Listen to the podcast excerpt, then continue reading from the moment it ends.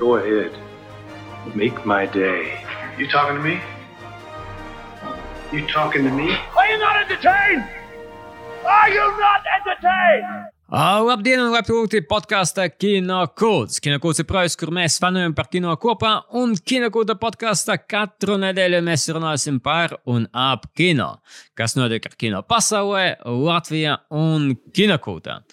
Un šo podkāstu vada Kino Kūta komanda Jebas, Savrata Baus un regulārs Sergeja mediātors Līvas Pandega. Čau! Sagaidu jūs joprojām Ketrins Bigvolas filmogrāfs? Es solīju. Tā ir. Jā. Ok, tad Ketrins Bigvolas Part 2 filmogrāfs Sergejs Timonins. Čau. Čau. un es, Sergejs Musādovs, pārtraukšanas Rainis Džonsons. Šo podkāstu atbalsta LMT vietējais, par ko viņam sūtam T. Hanks. Uh, un paldies sakām mūsu patroniem, kas atbalsta ne tikai šo podkāstu, bet vispār kinokūtu projektu kopumā. Šoreiz podkāstā gan mēs parunāsim par Marvel ziņām, par Zelta globusu skandālu. Un arī par mūsu mīļākajiem soundtrackiem, jeb atgriežas tas temats, kur es klusēju, un mani kolēģi runā. Good news, everyone! Labi, kas nu notiek ar zelta globusiem? Kas notiek? Es arī gribu zināt, vai kāds ap, ap, apkopot. Es redzēju, ka viņi ir atcelti, bet kas notika? Nu, viņi tur uh, iekļuva visvisādos skandālos, galvenokārt saistītos ar uh, divers, diversity trūkumu.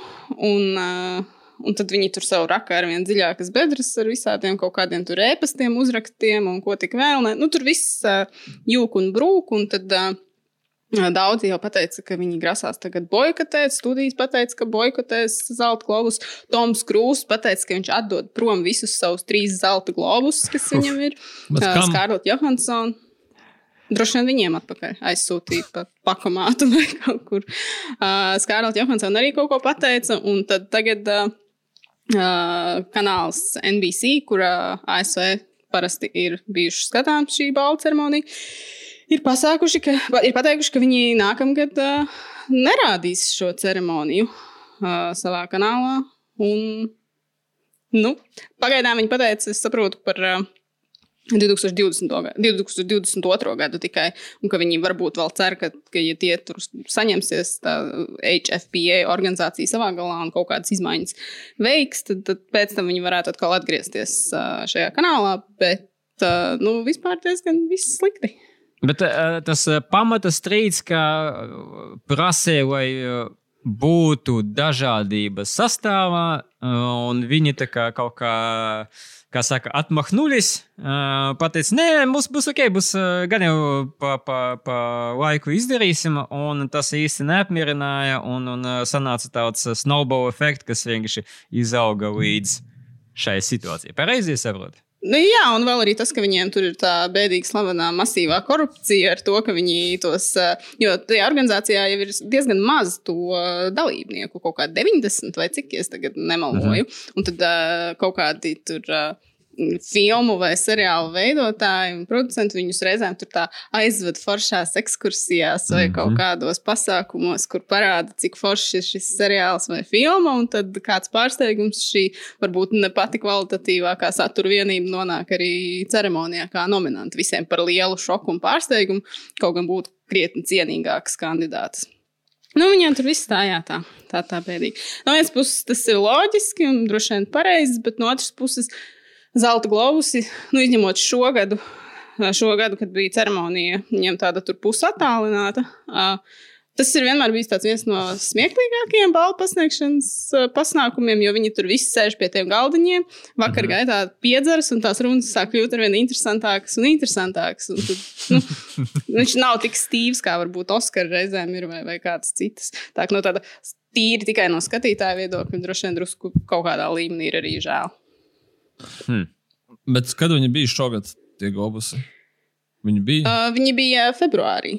Februāra beigās. Viņi bija, uh, tur bija tas, ka viņiem bija tā ceremonija divās vietās, Losandželosā un Ņujorkā. Vienā vietā bija Amy Poehler, vienā bija Tīna Feja, bet uh, visi tie nominanti pieslēdzās ah. caur Zoom. Un tad viņiem tur bija daudz visādi arī tehnisku. Tā bija tā, tā Zoom. Kļūmju. Bet tas Jā. bija viņiem pēdējais piliens tiem cilvēkiem, kad nu, šitā jau vairs nevar turpināt. Īstenībā, būsim godīgi, vienkārši pirms kaut kādiem pāris gadiem gan jau Rikijs Džervejs pajokoja kaut ko nevajadzīgu par kādu cilvēku, kurš pateica, tā, es šito tā neatstāšu. Jā, es domāju, ka nē. Es domāju, ka tas absolūti nav tas. Es domāju, ka Ričards Žvejs, uh, tas, ko Līja saka, pareizi, ka uh, viņu ceremonijas uh, visu laiku bija smieklīgas. Ričards Žvejs arī vilku skatuves uh, trīs vai četras reizes, pat nesaros, tāpēc, ka viņš bija smieklīgs, pat ja viņš smējas par visiem tiem pašiem bosiem un, un uh, Foreign, for, Hollywood Foreign Press Association uh, un pat par NBC kanālu. Uh, bet uh, šeit ir laikam zaudējums it kā no skatītāju puses. Ja es piekrītu, jā, bija interesanti. Un es vēlos šeit piebilst arī no mums, kā interneta lietotāja puses, jo no zelta globusiem vienmēr nāk daudz ļoti labi reakciju gifi, ko pēc tam izmantot. Tā ka to es arī drusku sirdī jūtu kā trūkumu jau tagad. Tas, ko gan var secināt, ka pirmkārt es ceru, ka Oskara Bosi tagad met rokas gaisā un saka, nu vismaz mums nav tā kā viņiem. Uh, un, uh, vēl neesam kritiši tik zemu, mums pagaidām vēl nekancelēja. Uh, un otrs punkts, ka Oskara, ja nu zelta globusa nenotiek, ja nu uh, nesanāk tur neko vienoties, nekādas izmaiņu nav, vai arī NBC tomēr, teiksim, izlēma nerādīt, whatever. Uh, no Oskara skatu punkta tā būtu liela laime, tāpēc, ka pirmkārt noņemās viena balvu pasniegšanas ceremonija, kas atkal paredzo Oskarus. Līdz ar to Oskari kļūst nu, vismaz drusciņi, bet mazāk paredzējami.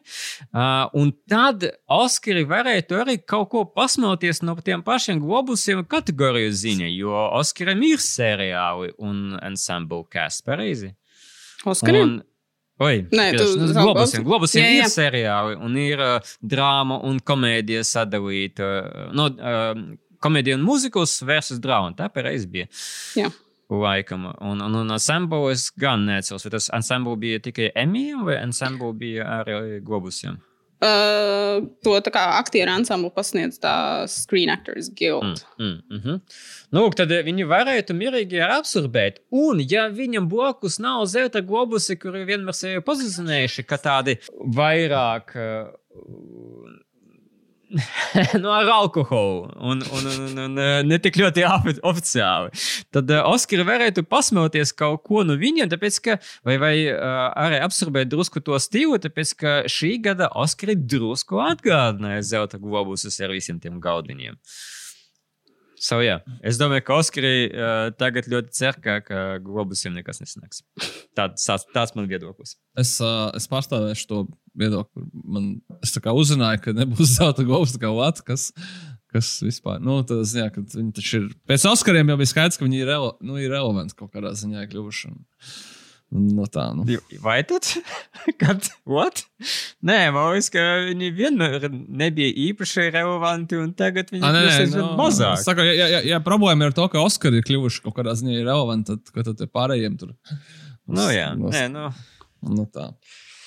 Independent Spirit Awards. Iesaku uzmeklēt YouTube, joprojām var atrast Endija Semberga ievadu runu uz 14 minūtēm, kas ir viena no smieklīgākām ievadu runām balvu pasniegšanas ceremonijā. Tad citu ne tikai man liekas, ka ik pa brīdim tajā Independent Spirits Award, kas visticamākais apzināti tieši tā to dara, tur ik pa brīdim ir kaut kādi interesanti mm -hmm. momenti, kur kāds uzkāpj uz skatuves un kaut ko foršu pasaka. Un tur arī ļoti forša atmosfēra. Nu, izņemot tikai to, ka Tad nu, tā balva neko nenozīmē. Ļoti. Nu, Nē, es domāju, ka viņi nozīmē tiem cilvēkiem, kas viņu saņem. Tomēr tas jau tomēr arī ir diezgan. Un, tu teici, teiksim, par tām foršajām runām. Tur bija ļoti smieklīga runa no Ādama Sandlera pirms sanāk, diviem gadiem, kad viņš saņēma balvu par Ankāru Džems, par ko viņš beigās nebija nominēts vispār Oskaram. Tad viņš pēc tam vēl draudēja, ka viņš taisīs Mm, briesmīgāko filmu jā, uz pasaules. Tur tāda ļoti atbrīvota atmosfēra un, un, un visi tādi ļoti draudzīgi. Jo, ja mēs tā paskatāmies uz Independent Spirit Awards, uh, kas nav gluži tāds um, uh, mainstream pazīstams, jo mainstream, ja mēs plašam skatītāju lokam uzprasīsim uh, nosaukt divas ceremonijas, nosaukt globusus un Oskarus. Un Independent Spirit Awards, es domāju, ka desmitnieka nebūs. Tie ir uh, vairāk tikai tiem um, nu, padziļinātiem kinofaniem. Des-. Tiem, kas klausās kinokūta podkāstu, īsāk sakot. Es domāju, ka desmitnieks vispār ļoti grūti nosaucams arī kinokūtu klausītājiem un tā skaitā mūsu pašiem. Indeed. uh, bet, uh, nē, mēs, varētu nosaukt. Nu, nezinu, Chicago kritiķi, San Diego kritiķi. Kā- kā- tā tas savāks. Kā, kā Kannas, Venecijas, Berlīnas skaitās? Jā, jā. Nu, Tas tad Jā, jā. nu, viņi pasniedz baudu, ir žūrija. Uh, savu, Visas jā, ģildes. Sa kā mēs- Saturn mēs. Awards. Tas ir svarīgākais. Point is, kamēr we stroke our ego, uh, tad uh, Independent Spirit Awards, kaut arī viņš nav plaši pazīstams, tur ir, yes, tur ir uh, tāda nepiespiesta atmosfēra, jo atkal ir alkohols.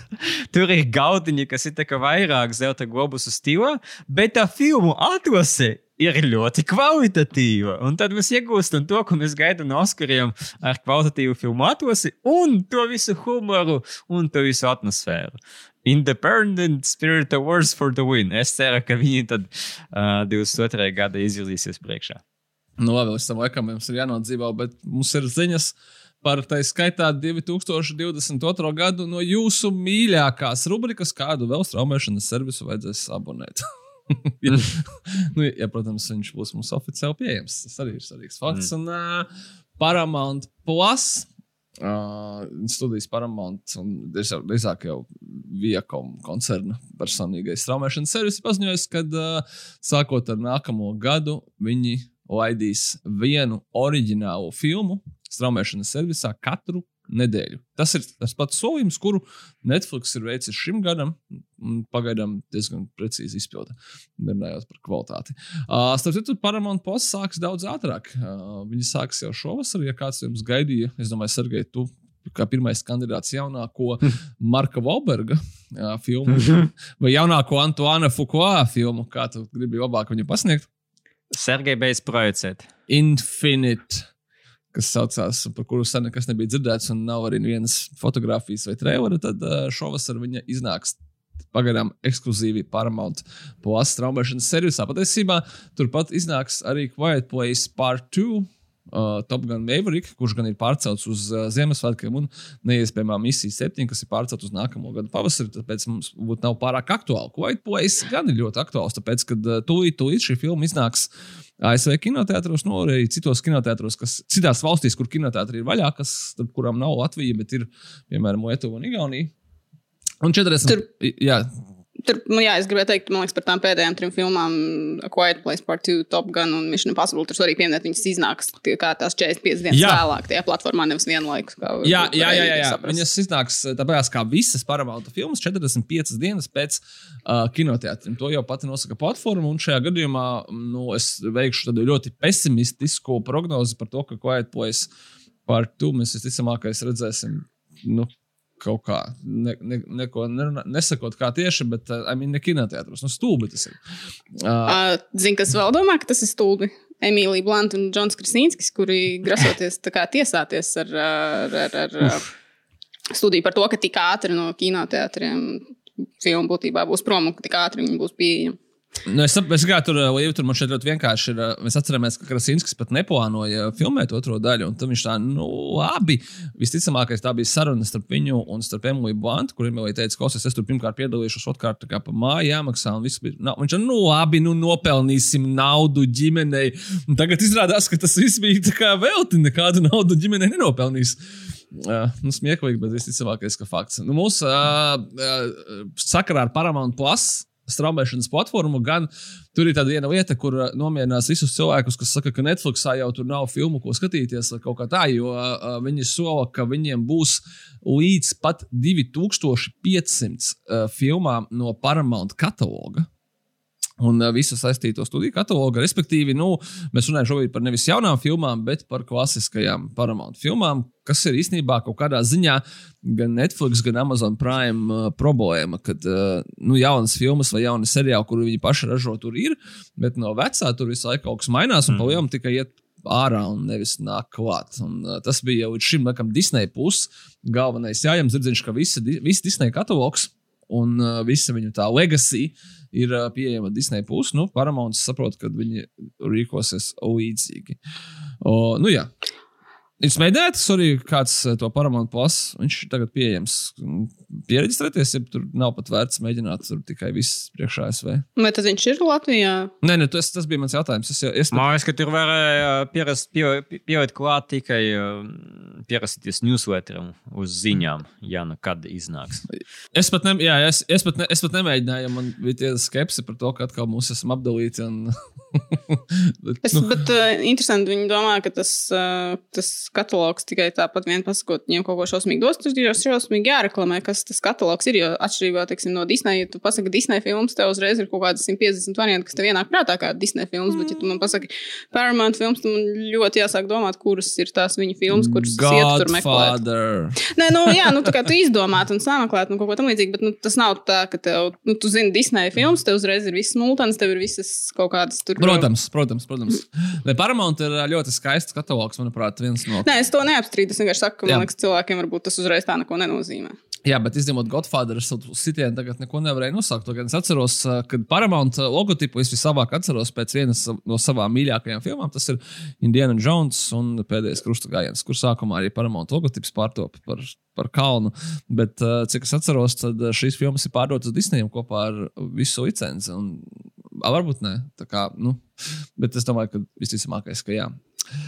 Tās nav zem Lūkas filmas. Jā, jā, jā, nu, ka viņas ir bijusi Paramount. Es, starp citu, viena no Paramount filmām ir arī Captain America, The First Avenger, Iron Man un The Avengers. Tur ir sākumā Paramount logotips, joprojām Tors, nu, līdz pat Avengers. Un, ā, cik es saprotu, viņi būs pieejami Paramount puses servisā pēc kaut kādiem iepriekšējiem nosacījumiem. Tā kā, nu, tā kā varēs noskatīties uh, MCU pirmo fāzi. Paramount puses servisā, un pēc tam gan būs ātri jāpārslēdzas uz citu straumēšanas servisu, kas ir protams, ļoti, ļoti ironiski.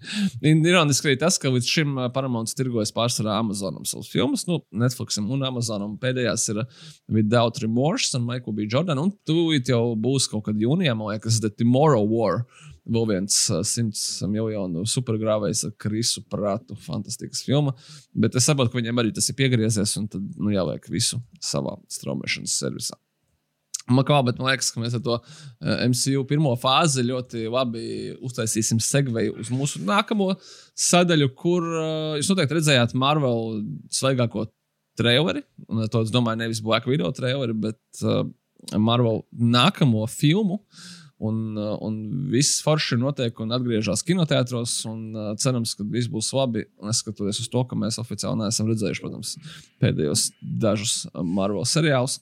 Uh, bet ir paziņots par to, ka, uh, jā, tūlīt būs Black Widow. Jūlijā, nu, tur pagaidīsim, varbūt ka kaut kas pie mums vēl samainīsies. Bet, nu, ja nē, tad, tad Disney būs platformā. Pēc tam arī Shang-Chi un tad arī um, Eternals, kur visi, visi plakāti ir jāpārtaisa nevis vienkārši no ko ir žēl, bet no Oskarotās, ko ir žēl. Bet es domāju, ka, kā mēs es ar jums to abi zinām, to var atrisināt vienkārši uzlīmējot virsū tādu gabaliņu, no, no, izgriezt no papīra un pielīmējot klāt. Tas, tas vienmēr strādā labi. Uh, bet uh, par bišķiņu tālāk. ka, ka kāds no Disneja mūs klausās, vai varētu piefiksēt šo ļoti vērtīgu. Jā, jā, tas to ne, nevajag pārdrukāt plakātus. Mēs arī esam Lifehack pielīmē klāt, un viss notiek cilvēki. Gal galā informācija svarīga, nevis tur plakāts. Uh, Black Panther Wakanda Forever. Uh, 8. 2022. gada 8. jūlijā. Kā, uh, pēc tam uzreiz The Marvels 11. novembrī nākamā gada, kas ir filma, kurā satiksies Captain Marvel un Mrs. Marvel, par kuru gan mēs arī jau Miss. redzēsim. Mēs Miss Viņa taču ir maza meitene. Es atvainojos, man vienmēr. Tu jau. Jā, jā, jā, jā Miss Marvel. Uh, seriāls par viņu gan būs, man šeit krietni agrāk, kaut kad nākamā gada jau sākumā. Ant-Man and the Wasp Quantum Mania 2023. gada 17. februārs, tā kā romantiskā Valentīna dienas filma. Un uh, 2023. gada 5. maijā Guardians of the Galaxy Volume 3. Bet, cik es pareizi, ja es pareizi sapratu, nākamā gada Ziemassvētkos ir 2022. gada Ziemassvētkos arī Guardians of the Galaxy Christmas Special. Jej! Viņš bija, vai viņš bija Holiday special? Viens no tam. viņiem. Uh, Holiday Special vai nepiesaistītu nevienai konkrētai reliģijai, līdzīgi kā bija Zvaigžņu kara Star Wars Holiday, Holiday Jā. Special. Pareizi. Uh, Jā, jā, tas ko tas beidzās.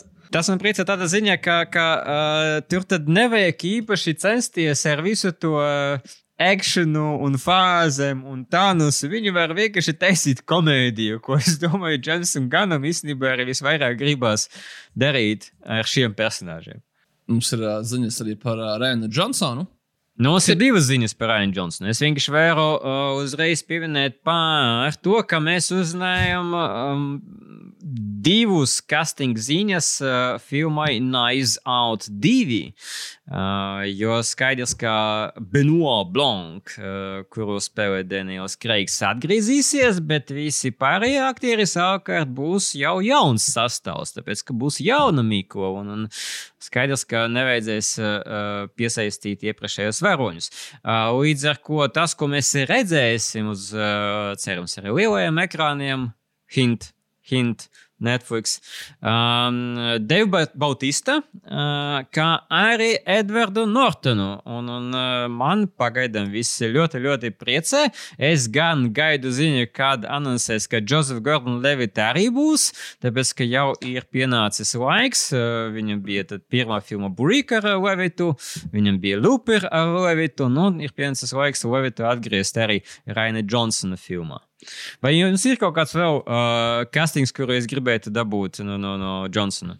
Tas jautājums, tas ir otrajai vai otrajai un trešajai daļai, vai arī viņi iet absolūti. Nu, paga- viņas- eh, Pagaidām, otrais. jau. Ā, Nu, tā kā atsevišķi. Nu, es ļoti ceru, ka, ka, ka uh, kad viss ies pēc plānu un Levis pievienosies sastāvam, ka viņš piesaistīs arī Setu Roginu.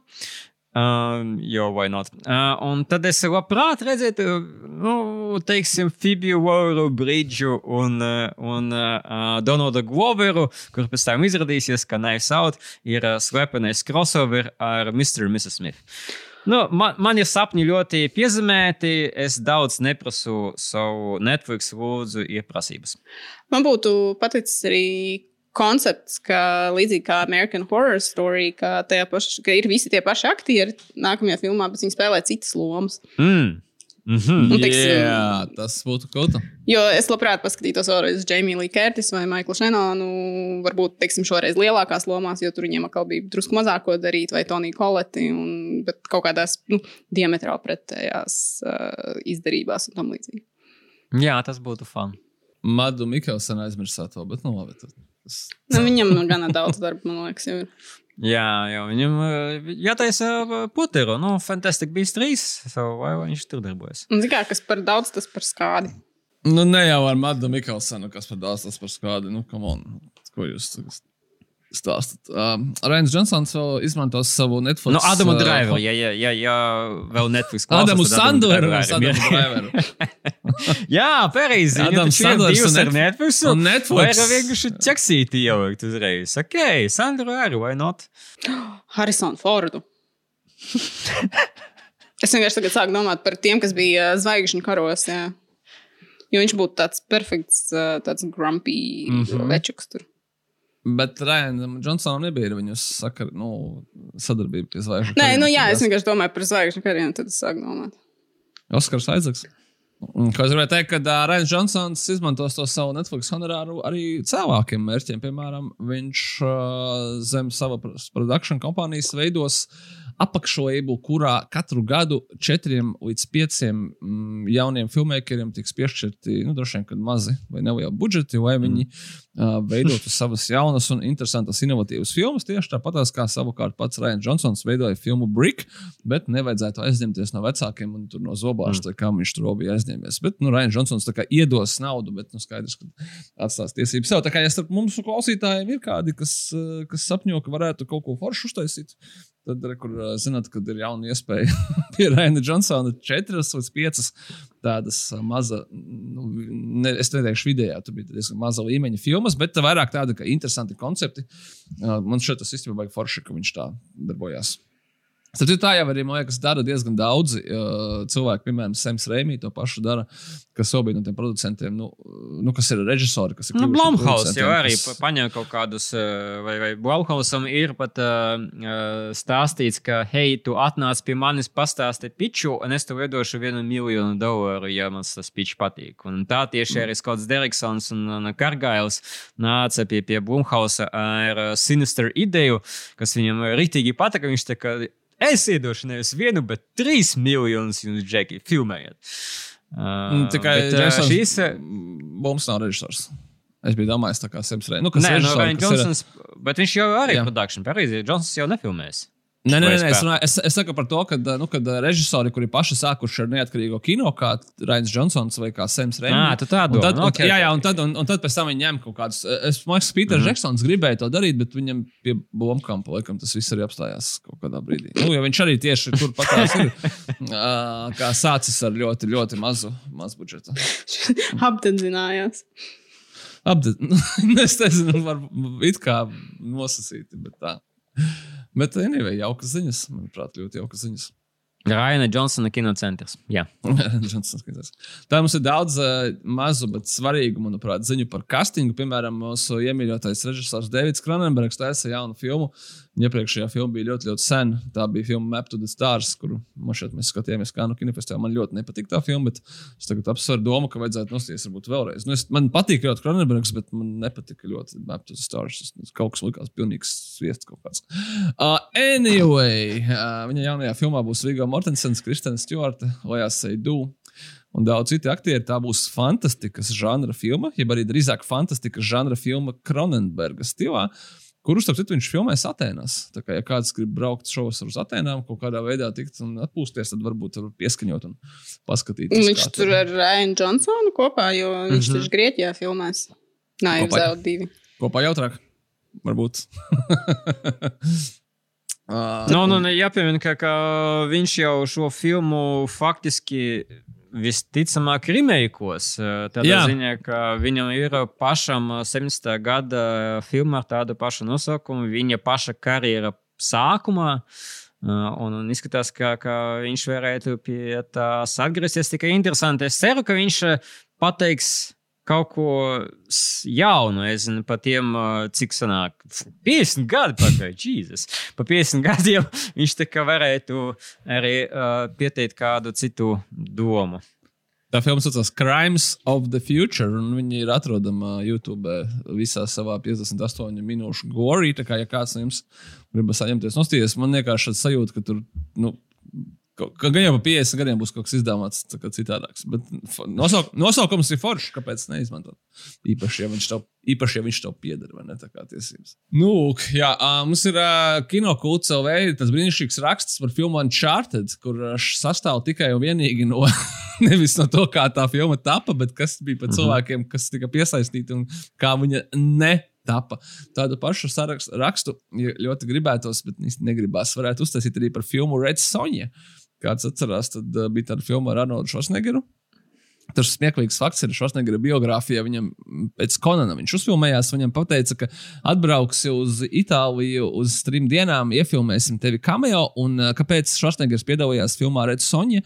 Jo viņam uh, bija ar producentu Dino De Laurentisu. Tas bija zināms producents kādreiz. Un ļoti stingrs. Viņam bija līgums uz kaut kādām piecām vai desmit filmām, kuru viņš savas muļķības pēc noslēdza pie pirmā Konana Barbara.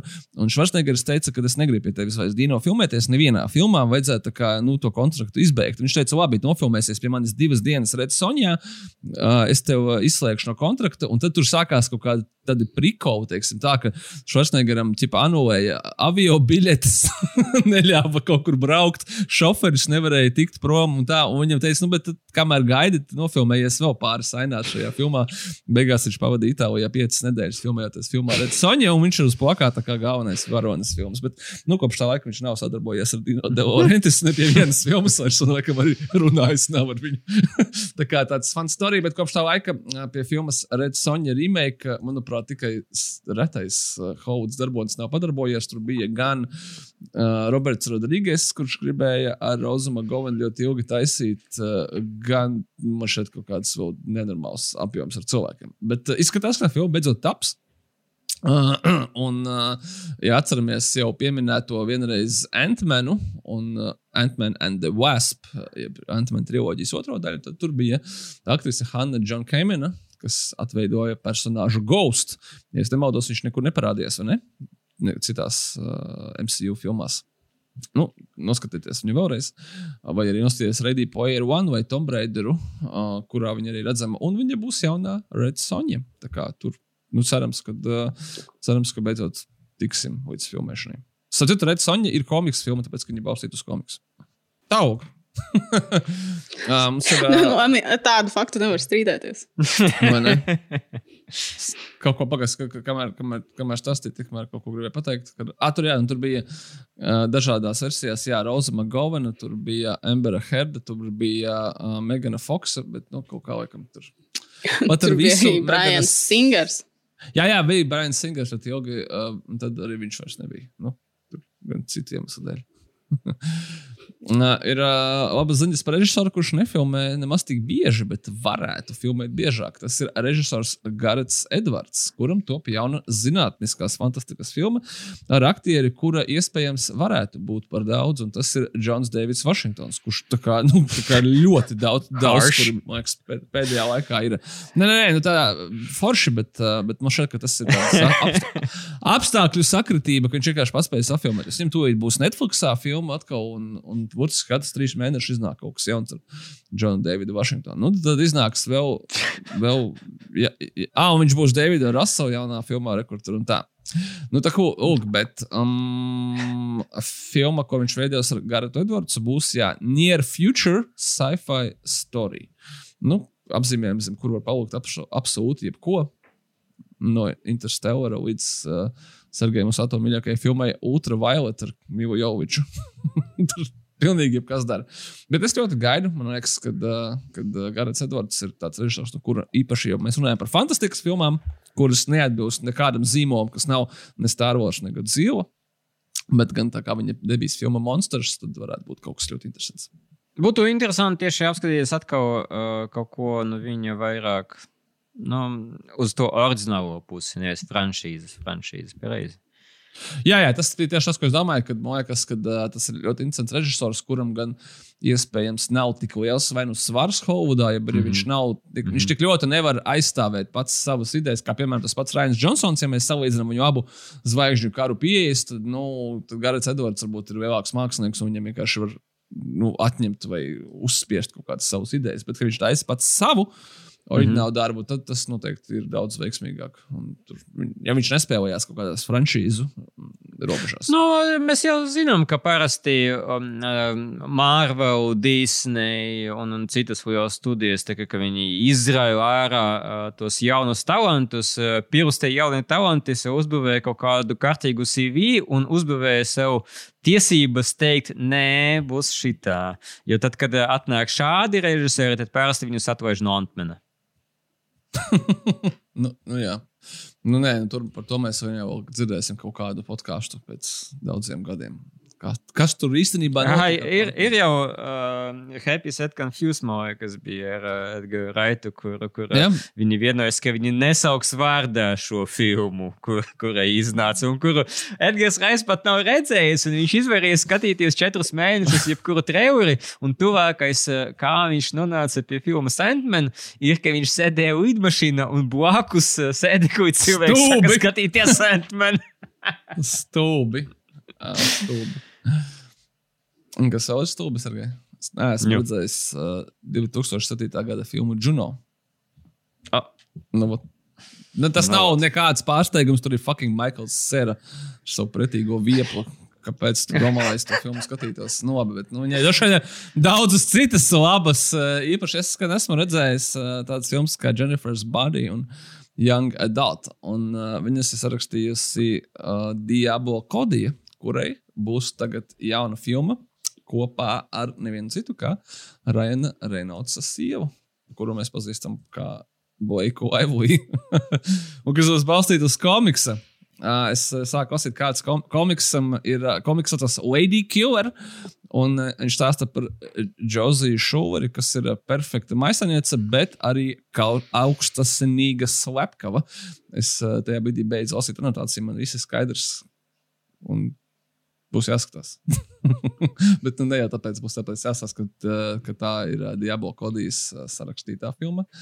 Lai gan, starp citu, man šeit, ka Boika Laivija ļoti forša un talantīga aktrise, kurai kā reizi šādas lomas ļoti piestāv. Man ļoti patika viņas darbs filmā A Simple Favor kā arī man ļoti patīk viņas darbs filmā, kur viņa ar Haizilu cīnījās. Tas arī bija ļoti labi apvienojot viņas kopā.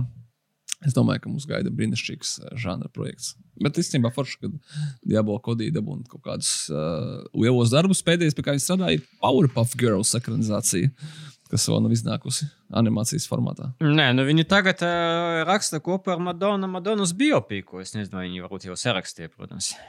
Ko tu darīsi, ja viņi, kā teiksim, Blakes Laivlīs vīru ieliks filmā Maiklu Seru? Tas būs, uh, tas būs izaicinājums. Kā tu izsvērsi to skatīšanos vai neskatīšanos? Es piedāvāju uh, konceptu, kur, kur ir Vils Ferels un Vila Ferela dēlu spēlē Maikls Sēra. Uh, un un uh, Maikls Sēra uh, startups uh, konkurē ar uh, jaunu startuperi, kuru spēlē Timotejs Šaumens. Man liekas, fant fantastisks projekts. Uh, skatieties, uh, ir tik daudz ko skatīties un būt, gūt pozitīvas emocijas šajā pasaulē. Bet uh, tā būs brīnišķīga filma. Viņa būs brīnišķīga tik daudzos kontekstos, arī tāpēc, ka šie aktieri nesabojās citus projektus, tikmēr filmējoties šajā filmā. es, es vienkārši skatīšos kaut ko citu. Un, uh, visi būs laimīgi un pozitīvi un, un happy. Tev vajag to tehnoloģiju, kas bija vienā Black Mirror sērijā, kur tu vari kā, dzīvē aizblūrot cilvēku, kurš tev kā, vairs nepatīk, tur negribas uh, komunicēt mm. ar viņu. Un tad tu šitā varēsi baudīt filmas. Tu, teiksim, gribi paskatīties Blake Lively, bet tu negribi Michael Seru. Problēma atrisināt. Nu, izņemot tā problēma, ka viņš ir uh, liela daļa no filmas, un tu nesaproti sižetu, tāpēc, ka tavs līdzi aktori saka kaut ko nesaprotamu. Es domāju, vēl labāk, es uh, izmantošu šo deepfake tehnoloģiju, kas jau būtiski pēc pāris nedēļām būs attīstījusies tā, ka es varēšu aizvietot Maiklu Seru šajā filmā ar Marku Volbergu, piemēram. Vai ar sevi? kas ir laba alternatīva, manuprāt. Nu, būsim godīgi, tā droši vien ātrāk notiks nekā šī filma iznāks. Jo biedējoši tas viss deepfakes paliek. Tā kā ļoti, ļoti biedējoši. Uh, vēl ir uh, ziņas no režisora, kurš ir uzņēmis vienu no Līva tavām mīļākajām filmām. Un tas ir režisors Sams Hargreaves, kurš ir uzņēmis filmu Extraction ar uh, Krisu Hemsvortu, kuru, kā es saprotu, esi baudījusi ļoti daudzos mazos fragmentos. Tik ļoti tu negribēji, lai viņi beidzās. Izstiepa, tā kā saka, šo baudījumu. Nu, uh, Kris Hemsvorts ir devies tālāk, vai arī viņi tur plāno to turpinājumu vai prīkvelu, par to nav zināms. Bet uh, nākamais, pie kā ķersies klāts Sams Hargreivs, kurš ir arī uh, kaskadieris un second unit direktors, ir Idris Elba, kurš izskatās, ka grib. Cik Idrisam Elbam ir gadi? Viņam tagad 60 kaut kur būs, ja? Viņam ir pāri 50, 50 jau. Nu, nopietni. Nē, nē, nē es. Uh, es Viņam ir 48. 48 gadi viņam ir. What the fuck? Viņš izskatās, ka labi. Šeit, a, a, viņš iet uz otru pusi. Parasti visiem tiem Hovuds aktieriem ir krietni vairāk nekā izskatās. Nu, labi, viņš sev būtu noguris. Nav svarīgi, nav svarīgi. Viss, uh, mana doma bija tāda, ka viņš ir kā 48 gadus vecs, es saprotu, kas notiek. Lajam Nīsona pārņemt viņa stafeti un sāk piedalīties tādās interesantās action filmās, bet, nu, teiksim, tā droši vien neprasīgās pārāk pret aktieru spēli. Uh, un uh, tagad viņš kopā ar Samu Hargreivu taisīs filmu, kas augsties Stay Frosty kas uh, stāstīs par kādu uh, man šeit bija kaut kāds pasūtījums, slepkava, vai viņš ir killeris vai kaut kas tāds, kuram ir jātiek galā ar visiem eh, darbiņiem, teiksim tā, lai varētu paspēt atgriezties mājās uz Ziemassvētkiem pie savas ģimenes. Nu, cik jauki. Nu, protams, Tas izklausās pēc kaut kā, kur vajadzētu būt Markam Valbergam drīzāk. Un, un es to nedomāju kā komplimentu. gan jau vēl paspēs, gan jau vēl būs. Ah, jā, un viņš ir pēc apraksta ļoti arī vienkārši tas, tas pitch, pie kura viņi gāja attiecīgi pie Netflix šajā gadījumā. Bet nu, tur nav pateikts, ka pēc tam, ka viņš ir brīnumaini izdzīvojis šāvienu galvā, šis vīrs, kas ir laikam algots slepkava, viņam ir jānoskaidro, kāpēc un kas viņam šāva. Bet arī also, jā, jātiek mājās uz Ziemassvētkiem, lai pavadītu laiku ar savu dēlu. Nu, tur var būt ļoti dažādi interesanti pavērsieni. Bet uh, Idris Selba kā action varonis, manuprāt, ir laba ideja. Es gan nesaprotu, kur, kur jau- lomu šeit ieņem Shane Blacks. Viņš to raksta, filmē vai, vai kā? Viņš iedvesmo, Sergei, iedvesmo. Ak, Iedvesmo. iedvesmo ar, nu jā, bet ja tas tiešām izklausās pēc kaut kāda Šeina Blaka uh, sarakstītās, producētās filmas. Nu, un mūsu castingu noslēdz ziņa, kur es nosaucu kā What the fuck of the dead. Tāpēc, kad nekā citādāk to nosaukt nevarētu. Ja es noliktu, es paņemtu vienā rokā uh, filmas mākslinieks, The Artist, režisoru Mišelu Hazanavi- Hazanaviču. Ja? Čoskars Hazanavičus. Fra- Hazanavičus, franču, franču režisors, un apbalvots un tā tālāk. Un otrā rokā es paņemtu uh, Japāņu zombiju komēdiju One Cut of the Dead. Tad es, visticamākais tās būtu divas dažādas rokas, un viena nebūtu nemaz man. Nu, tā būtu tā zombiju arma. Tāpēc, ka viņas nevar vienkārši būt tuvu viena otrai, bet, kā izrādās, tad tieši Good work, zombie arm. Tieši tā, tieši šajā brīdī Mišels Hazanavičs uh, kaut kur Francijā veido filmas One Cut of the Dead, franču vai Eiropas remake. Uh, obviously ar savu sievu, kas ir piedāvājis. Es nezinu, kā tā aktrise sauc, kas ir pilnīgi visās viņa filmās. Uh, nu, tas ir make sense, bet nu, interesanti. Un kuru sauc Final, Final Cut. Uh, Nu, jā, es nezinu, es, tas ir kā, no visiem negaidītākajiem rīmēkiem. Šitais ir tāds, kuru man vajadzēja kaut kādu laiku vienkārši sagremot. Vai tā, tā nav kļūda? Nu, jā. Nu, z... Par cik tā filma jau eh, diezgan ātri izstāsta, tāpēc tas nav īsti spoilers. Filma ir eh, par eh, zombiju filmu tapšanu. Un, un The Artist, kas ir par kino tapšanu, liekas, ka why not? Varētu būt diezgan arī pareiza sakritība. Uh, jā, tas ir skaidrs, ka drusku vairāk asiņu nekā artista, bet nav arī tik daudz asiņu kā uh, parastajā zombiju filmā. Be Berenise Bežo ir uh, tā aktrise, kas ir arī viņa sieva, un kas piedalās visās viņas filmās. Un, protams, arī būs šajā filmā, un arī uh, Simona Hazanavičus, kas ir viņa meita, arī būs šajā filmā. Tā kā izskatās, ka ir uh, vienkārši nu, atrasts interesants veids, kā atpūsties un pastrādāt un pabūt kopā ar ģimeni. Ah, Vienlaikus- Redz, skaties, zini, kā tas arī būtu varbūt eh, interesants uh, veids, ja tu atkosies, ka Hazanavičs uh, spēlēs režisoru. Kas ir arī, protams, viena no lomām. Tur jau arī viss ir par to ģimenes drāmu daļēji, jo, jo uh, režisoram ir sieva uz filmēšanas laukuma, un režisoram ir meita uz filmēšanas laukuma. Ja viņi visi spēlēs tieši tās precīzas lomas, tad tā filma iegūs arī kaut kādu jaunu meta komentāru.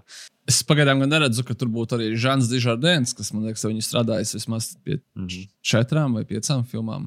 Bet, nu, kā jau kā, kā, kā zombijam, viņam man šeit ir ļoti liels potenciāls parādīties tur. Interesanti, jā, ka frančiem eh, zombiju tēma nav galīgi sveša, jo Netflixā atrast viņu zombiju seriālu franču.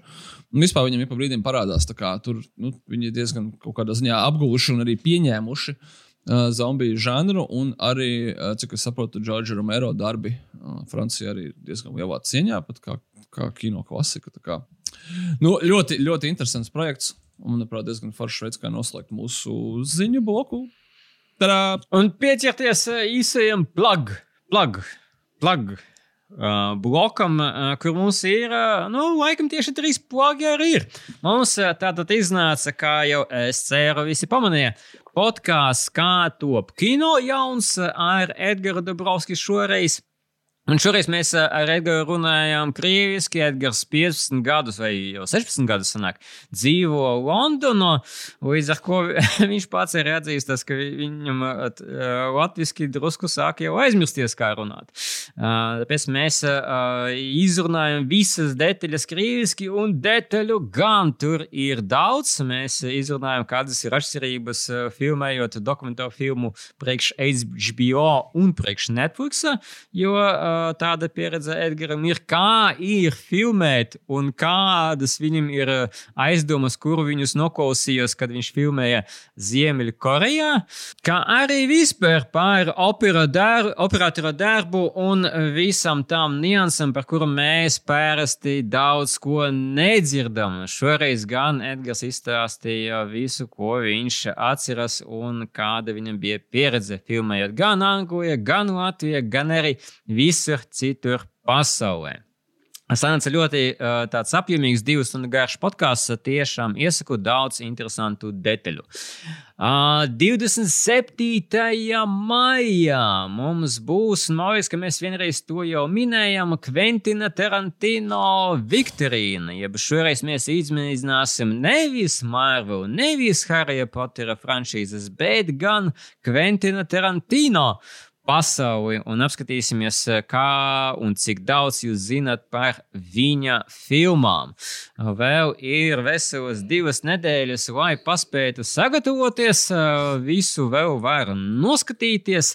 Un mēs savukārt eh, pavisam drīz, un iespējams arī uz šī podkāstu iznākšanas laiku, vai arī dienu vēlāk, palaidīsim reģistrāciju.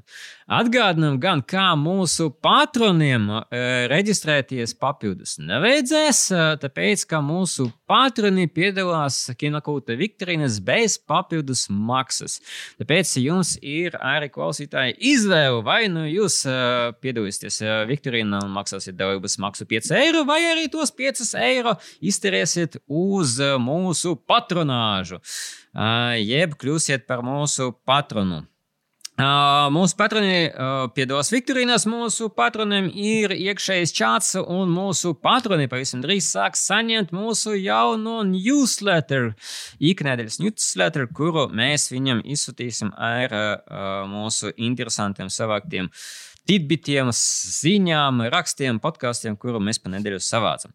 Uh, un patrons vispār kā tāds pieminēšu un atgādināšu, ka palīdz mums vienkārši nosakt kaut kādas mūsu operatīvas izmaksas, jo mums ir Kinokauts LV kā projekts, eh, kur nav un nekad īsti nav bijusi reklāmas baneru.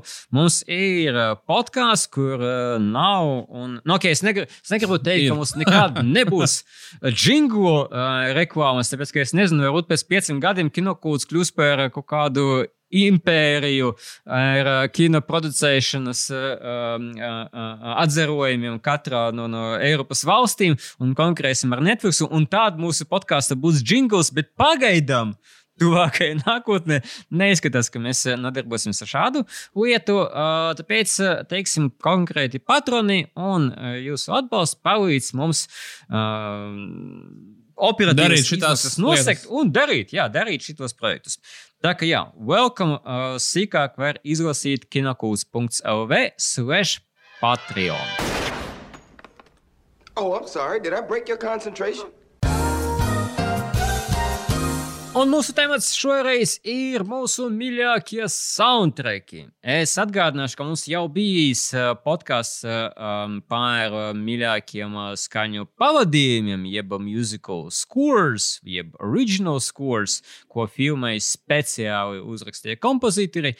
Bet mēs no sadalījām skaņu celiņus ar soundtrackiem, lai izrunātu soundtracks atsevišķi, jo gan Uh, to sakotnēju tematu mēs arī pāris stundām runājam. Nu, es, zinu, es pieaugušu uzreiz, jūs runājat, un es māju ar galvu, kas podkāstā īpaši nedarbojas.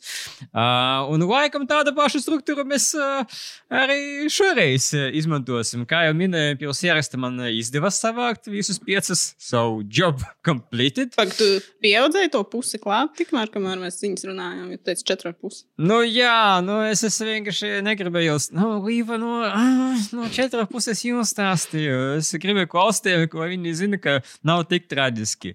Uh, man ir, ne, man ir teiksim, uh, konkrēts, kāpēc četrā pusē, jo man viena vieta bija uh, Biklibovski. Un, un tad, zin, tā nav nekā. Man patīk soundtracks, un es neko ne, Par to nevaru pateikt. Bet mēs vēl pie tā tiksim noteikti. Uh, kad mēs izrunāsim jūsu iemīļotos uh, soundtrackus, uh, un atgādināšu, ka šo tematu mums ieteica mūsu patrons Dāvis, par ko viņam arī sūtam Tomasu Henksu. Uh, un uh, sāks. Vai arī sakiet paldies par sabojātu podkāstu, un tas ir atkarībā no jums. Sergejs mums atsauc drīzāk par otru. Nē, mums varam- tieši ļoti, ļoti labi komentāri ā, nāca pēc ā, iepriekšējā skaņu celiņu podkāsta, un es ceru, ka arī tā tikpat labi nāks arī pēc šī raidījuma. Kā mēs pērsim to darām, mums ir piecinieks vai vairāk, kā jau bieži gadās, ar soundtrackiem vai filmām un soundtrackiem, un mums ir pērsts sarakstīns ar honorable mentions, par kuriem mēs minēsim vēlāk. Bet sākumā mēs tad ejam pa apli un sāksim, kā jau vienmēr ar Līvu. Līva, kā tev gāja ar šo uzdevumu? Tev, cik saprotu, vienkārši jau bija visi soundtracki un, un vajadzēja tikai pierakstīt, paspēt. Ja? Uh, ar šito bija varbūt drusku grūtāk nekā īstenībā ar uh, tiem scores, jo es saprotu, ka kaut kā tik daudz man uzreiz nenāca prātā, bet tad, kad es sāku skatīties un domāt, kas man Spotify arī atkal skan, un kas no, kā, no kurām filmām ir nācis, tad, tad beigās arī savācās savs sarakstīns.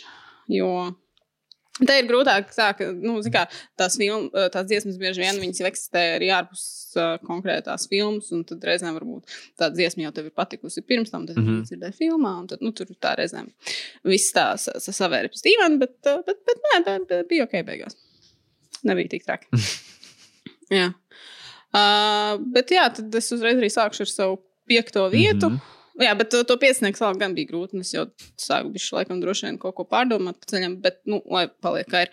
Uh, piektajā vietā es ieliku filmu The Martian, uh, uh, kas bija, ja jūs atceraties, muzikālā ziņā piepildīta ar uh, disko melodijām, jo tur tas joks bija tāds, ka tad, kad metadēmona atveidotais Marks Vatnīs ir palicis viens pats uz Marsa. Viņam bija no mūzikas atstāta tikai un vienīgi Jessikas Chasteinas disko kolekcija, jo viņa pati bija ļoti liela disko fana. Viņš netik ļoti, bet nu, situācija ir tāda, kāda ir. Un, ja tev nekā cita nav ko klausīties, tad tu klausīsies disko. Tur bija arī.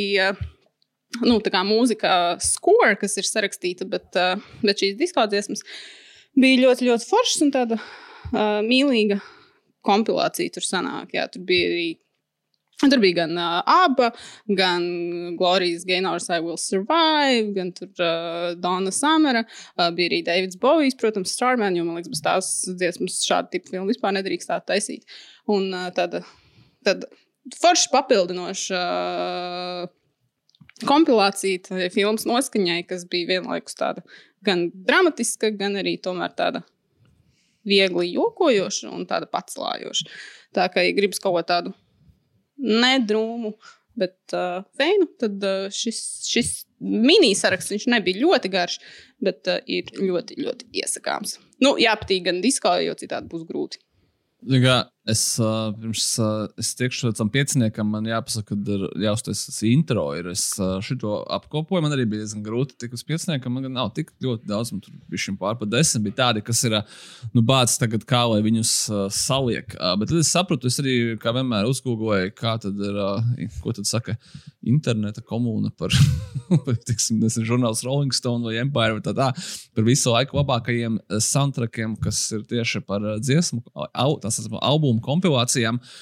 Un es sapratu to, ka uh, atšķirībā no mūsu iepriekšējā podkāsta par uh, labākajiem scores, tad šeit tik ļoti būtisku lomu spēlē mm, tavam vecumam, kad tu to filmu noskatījies, kādā veselā stāvoklī tu biji. Un, uh, kaut kādas nu, kā kaut ārējie faktori, tāpēc, ka uh, starp visām uh, labāk, visu laiku labāko soundtracku kompilācijām es sev beigās daudz ko piefiksēju, ko pirmkārt vajadzētu noskatīties, un pēc tam vajadzētu arī noklausīties. Un, uh, vispār man nek praktiski nekrustojās mana izvēle. Man izvēle bija saistīta ar kaut kādām filmām, kuras tu redzēji, un kuras soundtrack tev bija tajā brīdī svarīgi, un varbūt tas svarīgi arī joprojām. Un, jā, un tāpēc tas likās ļoti, ļoti interesanti. Kā, kad šeit, jo, teiksim, atšķirībā no scores, kurš var apspriest kaut kādu filmu, oh, krūtis score, un tam nav nekādas nozīmes, kā, kādā, nezinu, veselā stāvoklī vai vecumā es to filmu redzēju, un, un tā tālāk. Un tāpēc es um, gribētu sākt ar piekto vietu, un tas ir soundtracks filmai Matrix, kas ir, manuprāt, diezgan leģendārs soundtracks. Mēs esam šeit pat pieskārušies arī vairākas reizes tam, kad savulaik viņš radīja kaut kādā ziņā pat soundtrack kultūru, tāpēc, ka dziesmas no šīs filmas nu, kļuva nemazāk leģendārs kā pati filma. Bet es domāju, ka tas bija tiešā mērā saistīts ar to, cik ļoti šī filma kaut kādā ziņā uzspridzināja kino pasauli. Un, ja tu esi bijis vēl 11 gadnieks tajā laikā, kad viņi skatījies, tad uzreiz viss, kas ir saistīts ar šo filmu, sākot ar uh, brīļu, zīmoliem, melniem metāļiem, uh, programmēšanu un arī mūziku, kas tajā skan, automātiski ir kaut kas, kas ir ļoti foršs krūts un par ko ir jāfano. Līdz ar to, manuprāt, tur bija toreiz uh, jau minētie uh, filma, filmas soundtrack, otrā, trešā daļa un tā tālāk, kad vēl nemaz nebija iznākusi filma, otrā un trešā daļa filmai. Un es domāju, ka Matrix soundtracks ir kaut kādā brīdī bija atsevišķs žanrs, zem kura tika izlaistas dažādas dziesmu kompilācijas, kas bija oficiāli vai neoficiāli iedvesmojušas filmu, vai arī vienkārši radītas iedvesmojoties no filmas. Nu tā, bet dziesmas foršas joprojām. Nu, es teikšu tā, ka, ka pie visa tā, ko es minēju, ka ar mūziku es uz, uz ļoti oficiālo jūs, es pat teiktu, ka es ar mūziku uz Dear Sir slash Madam, uh, tikmēr saistība ar kino mūzikai man ir diezgan cieša, jeb par jaunu mūziku vai par mūziku, kas man beigu beigās sāk patikt. Es uzzinu caur filmām, vai nu caur filmu, filmu, vai nu caur filmas uh, promo materiāliem. Teiksim, es skaidri zinu, ka es uh, par grupu Portishead uzzināju no uh, seriāla Lost otras sezonas, man liekas, promo klipa. Uh, Un tad uh, es noklausījos melodiju, tā kā, oh, kas tas tāds, un tad es sāku klausīties Portishead. Vai, vai uh, serija House ir uh, intro Massive Attack, Teardrop, un es tad uzzināju, ok, šī grupa Massive Attack, man viņa patīk. Uh, līdz ar to man uh, šāda tipa connection ir. Uh, un, un, uh, uh, visinteresantākais vis laikam ir, vai visilgākā vis attiecības ar mūziku sākas no filmas Hackers, kur bija Prodigy. Um, Bet uh, runājot par pašiem soundtrackiem, tad uh, man vairāk ir uh, tā, ka es ļoti labi atceros soundtracku un man patīk, uh, kā tas kombinējas ar uh, pašu filmu, bet uh, es gandrīz neko nevarēšu nosaukt, kas uh, tur uh, spēlē vai atskaņo. Uh, tāpēc, kad es runāju par to, ka es piektajā vietā ieliku Big Lebowski, es zinu, ka tur skan Eagles, tāpēc, ka filmas scenārija ir pateicis, ka I hate them Eagles.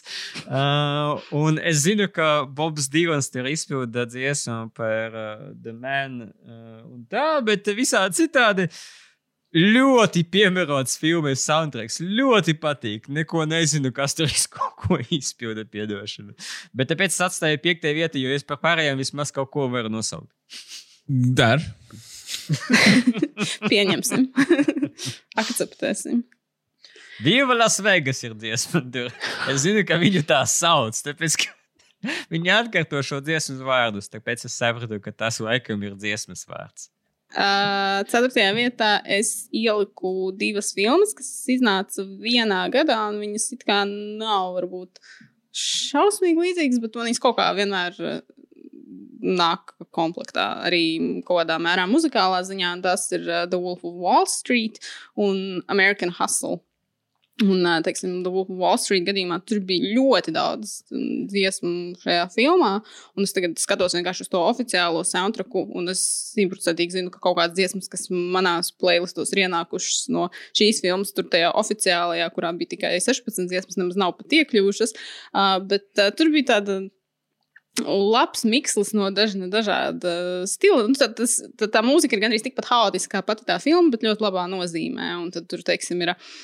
Uh, The Lemonheads versija par dziesmu Mrs. Robinson, kas man ļoti, ļoti patīk, vai arī uh, Metal Labs Zoso Sticker, kas bija arī filmas trailerī izmantota. Tur viss tā ļoti, ļoti forši piestāv tam Jordana Belforta hausam un, un, un uh, izklausās kopā ļoti simpātiski. Savukārt, American Hustle uh, tur ir varbūt vairāk tāds uh, tā laika periodam piemērotāks pat uh, dziesmas. Uh, un uh, tur arī, man liekas, ļoti, ļoti, ļoti viss tā labi iet kopā.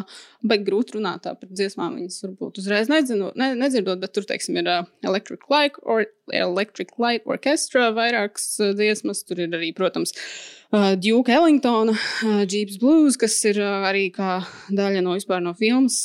Tur tā saruna ar Amy Adams un, un, un Kristianu Bēlu sāks ar to, ka viņi abi divi ļoti mīl Duke Ellingtonu. Un, uh, tur arī tas soundtracks, man liekas, ļoti forši papildina to atmosfēru un dod klāt to kaut kādu feelingu. Un tad, kā viņi tur arī vēl tur dzied tajā ainā, kur viņi dejo disko, nu, tur viss tā sajiet tādā foršā, foršā mikslī. Un saka, jā, es nezinu, man īsti nav racionāli skaidrojumi, kāpēc man šīs abas divas filmas kaut kā kombinējas, bet viņas kombinējas. Un es, ne, nu, neko jūs man neizdarīsiet. Man ir ceturtajā etapā divas filmas. Ja? Mēs uh, atgriežamies pie tā, ka tu nevari izšķirties. Un, uh, un jāliek divas. Un uh, man ir uh, divi soundtracki, kas uh, man liekas diezgan lielā mērā definē tās filmas, bet kas arī ļoti atbilst. Uh, un tu nevari atšķirt to mūziku no fi- filmu no mūzikas, un otrādi uh, gan viņas abas ir pilnīgi dažādas. Tas ir uh, uh, soundtracki 97. gada filmai The Crow. Krauklis, uh, kas ir uh, absolūti ģeniāls soundtracks, un klausos joprojām arī. Un, ja šī filma, teiksim, ļoti daudziem cilvēkiem iedeva idejas par to, kā var ģērbties Halloweenā, tu nokrāso sevi, sevi baltā krāsā, uzzīmē acis, un tu esi The Crow. Un tad, nu, skaņas sev ir ekvivalenti tāds emocionāls, teiksim tā, nu, e- emo roks, kur ir gan The Cure, The Stone Temple Pilots, Nine Inch Nails, Rage Against the Machine diezgan daudz, viss kaut kas cits foršs. Bet, uh, jā, man ir absolūti katru reizi, kad es dzirdu jebkuru dziesmu no šīs antraka, tas uzreiz atceros par Brendonu Lee un The Crow un arī otrādi. Un līdzīga sajūta ir par uh, filmu, uh, Baza Urmana filmu Romeo un Julieta, kuras soundtracks man kādreiz bija pat audio kasetē. Un tur ir ļoti līdzīgi tā, ka, manuprāt, kad, uh, šīs dziesmas, kas skan šajā film, uh, filmā, ir absolūti kopā savijušās ar, nu, kas ar filmu un otrādi. Tad nekad nevari Cardigans Lafu vairs nošķirt no uh, DiCaprio un Claire's Dances un otrādi. Nu, tādi, kas ir tā kā, abs, absolūti super soundtracku soundtracki. Ceturtajā vietā man ir uh, filma Lock, Stock and Two Smoking Barrels. Uh, un uh, šai filmai es actually par pārsteigumu visiem varu kaut ko piebilst. Es piebildīšu, ka ir interesants uh, žanru miks, jo um, Gais Ričijs priekš savas debiju filmas izvēlējās uh, gan kaut ko no, no solo, uh, un, teiksim, savu uh, 70. gadu mūzikas. Uh, jo ir tāds drusku uh, zāles smēķēšanas, rastafāri vibes, uh, ko viņš mēģināja panākt pie konkrētiem personāžiem. Ir pretēji savukārt uh, roks un punkroks, uh, kuru uh, The Stooges, uh, kas savukārt uh, ir mērķēts, lai pozicionētu vai uzbūvētu garastāvokli uh, savukārt filmas uh, citai grupiņai. Uh, un tad ir uh, super uh, interesanta izmantošana um, dziesmais Zorba the Greek no filmas ar tādu pašu vārdu. Uh, 64. gada, kur izpilda uh, dejus ir taki. Un, un uh, tad uh, tās divas grupiņas, uh, gan tie stoneri, gan tie, tie bandīti, viņi samiksēs kopā beig beigās. Uh, un uh, tāpēc man arī patika. Ah, un tur ir arī British Drum and Bass, pareizi, no, teiksim, Easy Rollers, uh, kuru, par cik uh, pats Gais Rīčī ir brīts, noteikti ir pārzinījis, ir tīpaši tāpēc, ka Britu uh, alternatīva scēna tieši 90. gados bija diezgan populāra. Aha, kāds izlasīja Wikipēdiju! Es, uh, ja par Ričiju ierunājos, es uh, atstāju ārpus piecinieka, bet uh, rock and roll man Mhm. ļoti patīk arī uh, dziesmas. Mhm. Un es joprojām, joprojām, joprojām kaut kādā naivumā absolūtā ceru, ka varbūt The Real Rock and Roll Mhm. viņš kādreiz uztaisīs, bet nu. Atcerieties, Līva, mums ir bijušas sīkveli 30 gadus vēlāk. Viss ir iespējams. Indiana Jones 5 pierādījis to, ka var, viss var vēl notikt. Un, ka, Cik mums tagad ir bijuši 13 gadi? Sanāk, tā ir filmās 8. vai ne? Jā, jā, bet es domāju, ka uh, Real Rock and Roll tagad uh, būs par, par, Bet par to, ka ka viņi ir Bet, uh, novecojuši, vai viņi atkal varētu savākties, ka viņi vairs nebūs tik pieprasīti. Bet, uh, zini, kā, vai tev ir sajūta, ka Gerards Butlers vēl varētu rokenrolot? Tā kā viņš rokenroloja. Rock and roll as the next generation. Vai gan, manuprāt, Tobijs Kebels ir absolūti. Nu, tā kā pie... A, kas īstenībā, te pasaka, kas tad izņemot Idrisu Elbu un Butleru? Man liekas, ka īstenībā mēs tā kā. Hardijs. Hardijs, jā, Hardijs varētu būt tas, kurš. Marks Strongs arī bija. Marks Strongs piedalās tur, kur viņam kā- palūdz piedalīties. nē, nē, Marks Strongs nav. Sure? Viņš nav tā kā beigās. Ka es tagad, man vajag paskatīties vēlreiz. Toms Vilkinsons ir. Bet aiz... Jā, man liekas, Aizkadrā, ka, man liekas. Tā, ka Marks Strongs bija tur. uh, Jā, jā, pašā viņš beigās nesauca? Kebelu. Marks Strongs, spoiler alert, Marks Strongs beigās ieņem uh, The Wild Bunch pusi. Un saprot, Ah. ka arī viņš tika apčakarēts, un uh, Toms Vilkinsons bija galvenais Big Bad. Bet viņu, man liekas, kaut kur iemērca, bet arī nu, ai- aizkadrā parādīja, ka nu, viņi tika vaļā. Bet es tagad varu kļūdīties. Bet uh, lielākā daļa no viņiem ir, man liekas, mēs tik ļoti bieži ru- runājam par to, ka uh, šī filma nav iespējama, jo viņi visi tagad ir superstarri, bet, ja tā ļoti labi padomā, tad vienīgais, kurš varētu ir iespējama. nepiekrist, ir uh, tiešām Toms Hārdijs, bet jautājums, vai viņš obligāti tur ir vajadzīgs. vai- Um, Līva Nu- jautājums tev. Vai viņš ir vajadzīgs? Nē, Līva Es- jautājums tev, tad, uh, ja tev būtu jāizvēlas, uh, kuru filmu tu vairāk gribētu? Man from Uncle 2 vai Rock'n'Roll? Ah, rokenrols, tāpēc, ka Man from Uncle, es domāju, ka tagad nestrādās, ņemot vērā to, ko mēs zinām par Armiju Hammeru. Bet, tur, bet tu ievai tur nav vajadzīgs. Nu, ja vien nenomaina Hammeru. Bet tev taču Women ir, from Uncle. tev jau vajadzīgs tikai ir uh, šitais. Um, uh, Henrijs Kavils. nu, jā, Nu, zin, kā, tur tomēr tur vajag to, to, to, to viņu dinamiku, attiecību. Tur nevar būt tikai viens Henrijs Kavils. tad jā, bet tur varētu būt, piemēram, nu, pirmkārt, tur jau ir Alisa Vikandera, un tur varētu būt vēl kāds brīnišķīgs aktieris vai aktrise, ar kuru būtu šī dinamika. Un, manuprāt, tā kā, nu, Ilija Kurjakins ir aizsūtīts uz uh, Gulagu pēc sižeta tā arī sanākta, un uh, turpinās viss ar to aizmirst, kā Kevela Varona sauca, bet uh, tur nekādu, man šeit baigo fundamentālo problēmu. Napoleons. Jā, Solo. nu, fundamentāla problēma turpināt nevajadzētu būt. Nē, nē, nu, to varētu samainīt. Vai arī Toms Jā. Hārdijs, kurš jau ir tēlojis Krievu filmās, tā kā viņš varētu darīt vēlreiz. Toms Hārdijs nav par īsu, lai blakus Henrijam Kavilam būtu visu laiku. Es tagad neatceros to filmu, kur ir Toms Hārdijs un Kris Pains. Atceries, kur viņiem bija ķipa. Jā, tā bija ļoti slikta filma. Bija ļoti. This means war. Ļoti Nu, ar, slikta filma. uh, Tad Reese vai ņem Krisu Hemswortu un, un, un uh, uh, Tas Henry jā. Mierīgi. Hemsworths? nu, Un Līva būs uh, ap, apmierināta ar šo castingu. Jā, Ir ok. Nu, Kā, I mean, uh, nu, labi, nu, būs labi. kā, kā KGB aģents, jā, ļoti labi. Bet, Nē, Es domāju, ka īstenībā, ja, ja, ja viņam uz šanku tāda kādu uzvilkt, viņš tāds mierīgi varētu bez kaut kāda krievu izskatīt. Viņam jau nav obligāti jābūt KGB aģentam. Kā, kāds bija Napoleons Solo? Viņš bija Brito vai viņš bija Amerikāņu? Ot, Viņš bija brīvs. Nē, pagaidiet, es tagad neatceros. vat man šķiet, ka viņš bija Amerikāņu. Es neatceros, vai tur uh, nemēģināja viņš kaut kādu akcentu. Jā, jā, jo, jo nav obligāti jābūt ir Krievam. Viņš var būt tur kaut kāds cits valsts. uh, Atkal, nu, ja tā Austrālijas. Austrālijas. jā. Nu, nē, vai viņš ir krievs. Man patīk, ka, Kā- man patīk ideja, ka Kris Hemsworths varētu spēlēt krievu. Kāpēc nav, kāpēc nav krokodila Dandija remake ar Krisa Hemsworth joprojām? Kas notiek? Hollywood? Sūtīties Pagaidiet, bet viņiem taču bija tā reklāma, Jā. ko viņi Nu, uzfilmēja. Un tad uh, nu, cilvēki jau sapriecājās. un Tad, jā, tā bija kaut kāda tikai Austrālijas Mm. turisma reklāma vai kaut kas tāds. nu, tad es nezinu, kāpēc viņi what are they waiting for. Ja vienalga viņš dzīvo Austrālijā, tur tagad visi droši var filmēt, nekur nav jābrauc. I mean, just, there's just money on the table. Labi, nu, uh, pēc šī off-topika atgriežoties pie vispār pilnīgi cita temata. Pie uh, soundtrackiem. Trešajā vietā es atkal ieliku divas filmas, bet šīs gan iet kā, kā kombinācija uh, ciešāk un labāk nekā mans uh, iepriekšējais, uh, iepriekšēji minētie nosaukumi. Uh, tās ir Shreks 1 un 2. Uh, nu, tur, man liekas, tā saistība ir diezgan uh, redzama. Vai tev arī viņas ir sarakstā? Ne, nekad.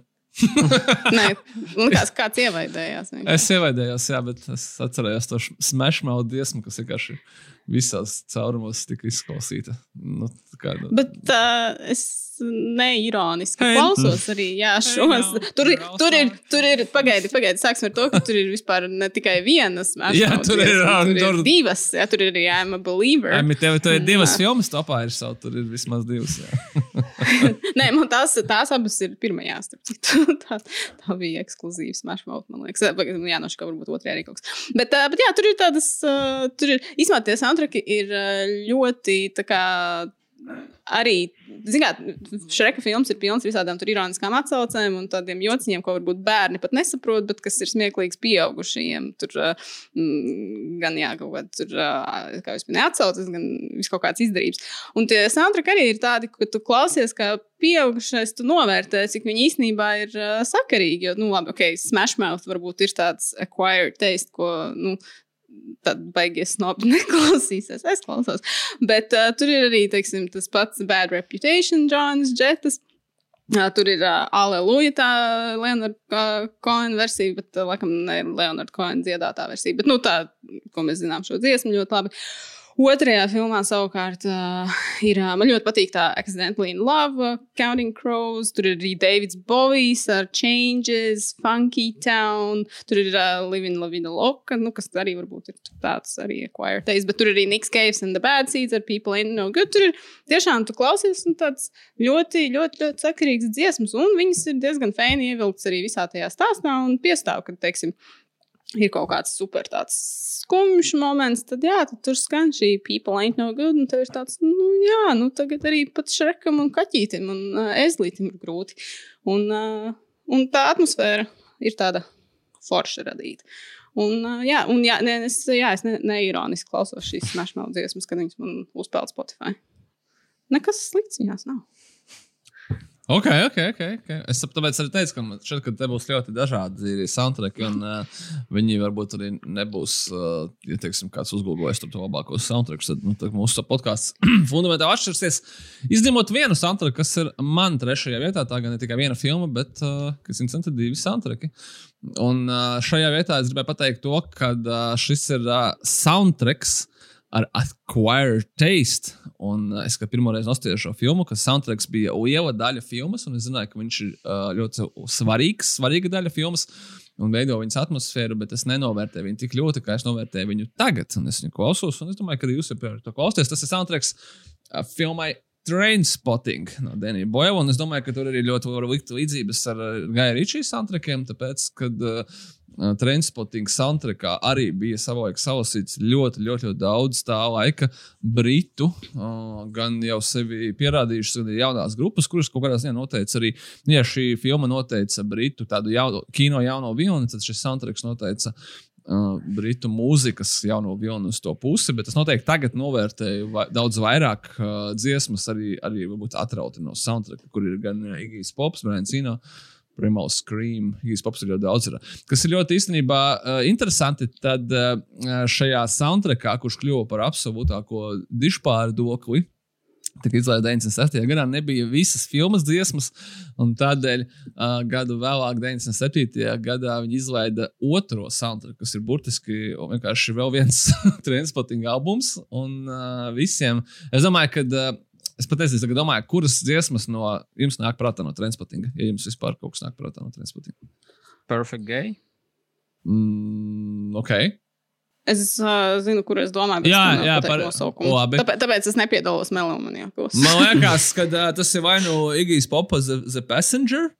Uh, vai nu, Devis Bojas un Golden Years, kas tagad nav, protams, rakstīta soundtrackam, uh, gan arī uh, likam, slavenākā dziesma no filmas Transporting. Tā ir tā, kur ir choose life, choose a job, choose a career. Choose life. Veronika. Jā, jā, un uh, tas interesanti, ka viņa bija tieši otrajā soundtrackā. Viņa, respektīvi, nebija pat pirmajā, tāpēc arī kā Igija Popa Passengers. Uh, nebija o, pirmajā soundtrackā. Nu, tā kā tā, bet nu, es domāju, ka viņi tagad ir, pirmkārt, ir salaisti kopā. Īpaši, ja mēs klausāmies viņus Spotify, tur skaidrs, ka tur ir vienkārši viss.